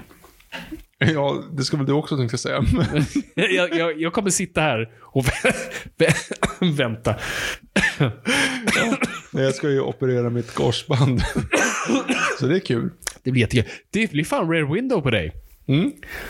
Får du spana ut och se... Rätt in i den här på toja häcken jag har utanför. Jag, jag Ja, men du kan ju se, men på din framsida kan du se lite snett över till Ja, kanske någon Det är en granne. återvändsgränd och en grann som... Jo, precis. Eh, jag ska ju också säga att jag tycker kanske innan nästa avsnitt kommer ut så har ju troligen det släppts en ganska stor nyhet. Du, du, du,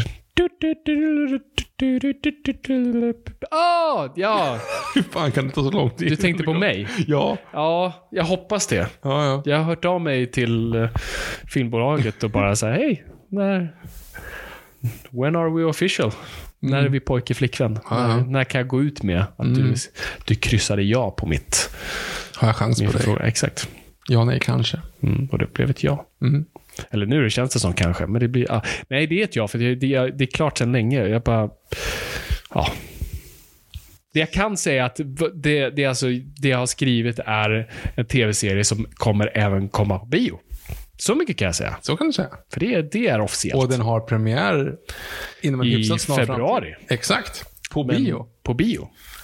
Så, Så vi kommer få en F-peng biofilm till podden. precis, jag ska göra till, måste göra plats för en till poster med andra ord. Mm. Det blir roligt. Ja. Ehm, så ja, men vi pratar mer om det nästa gång. För det blir också passande, jag tror, i med temat. Jag har inte skrivit en Batman-game för guds skull. Jag, tror inget annat. Vad gör du? Nej, nej, det, det, Ja, ja. Jag, jag, jag tror jag har sagt att det är animation. Så Hypat kan, fel kan gissa, och det är inte Bamse. Men vi, vi, vi, samma, samma skärgård, fel båthus. Exakt. Vi bommar igen där för det är för flamsigt. Det här, Ja. det här håller inte vatten. Nej. Eller julmust. Apotekaren. Hej då! Good night.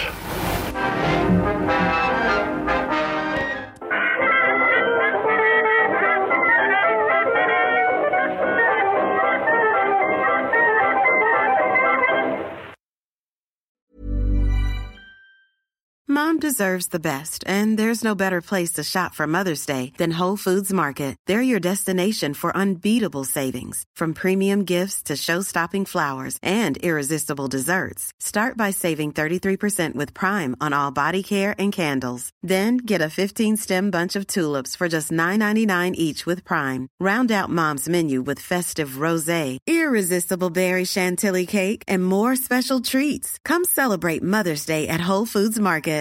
Imagine the softest sheets you've ever felt. Now imagine them getting even softer over time. That's what you'll feel with Bowl and Branch's organic cotton sheets. In a recent customer survey, 96% replied that Bowl and Branch sheets get softer with every wash. Start getting your best night's sleep in these sheets that get softer and softer for years to come. Try their sheets with a 30-night guarantee. Plus, get 15% off your first order at bowlandbranch.com. Code BUTTERY. Exclusions apply. See site for details.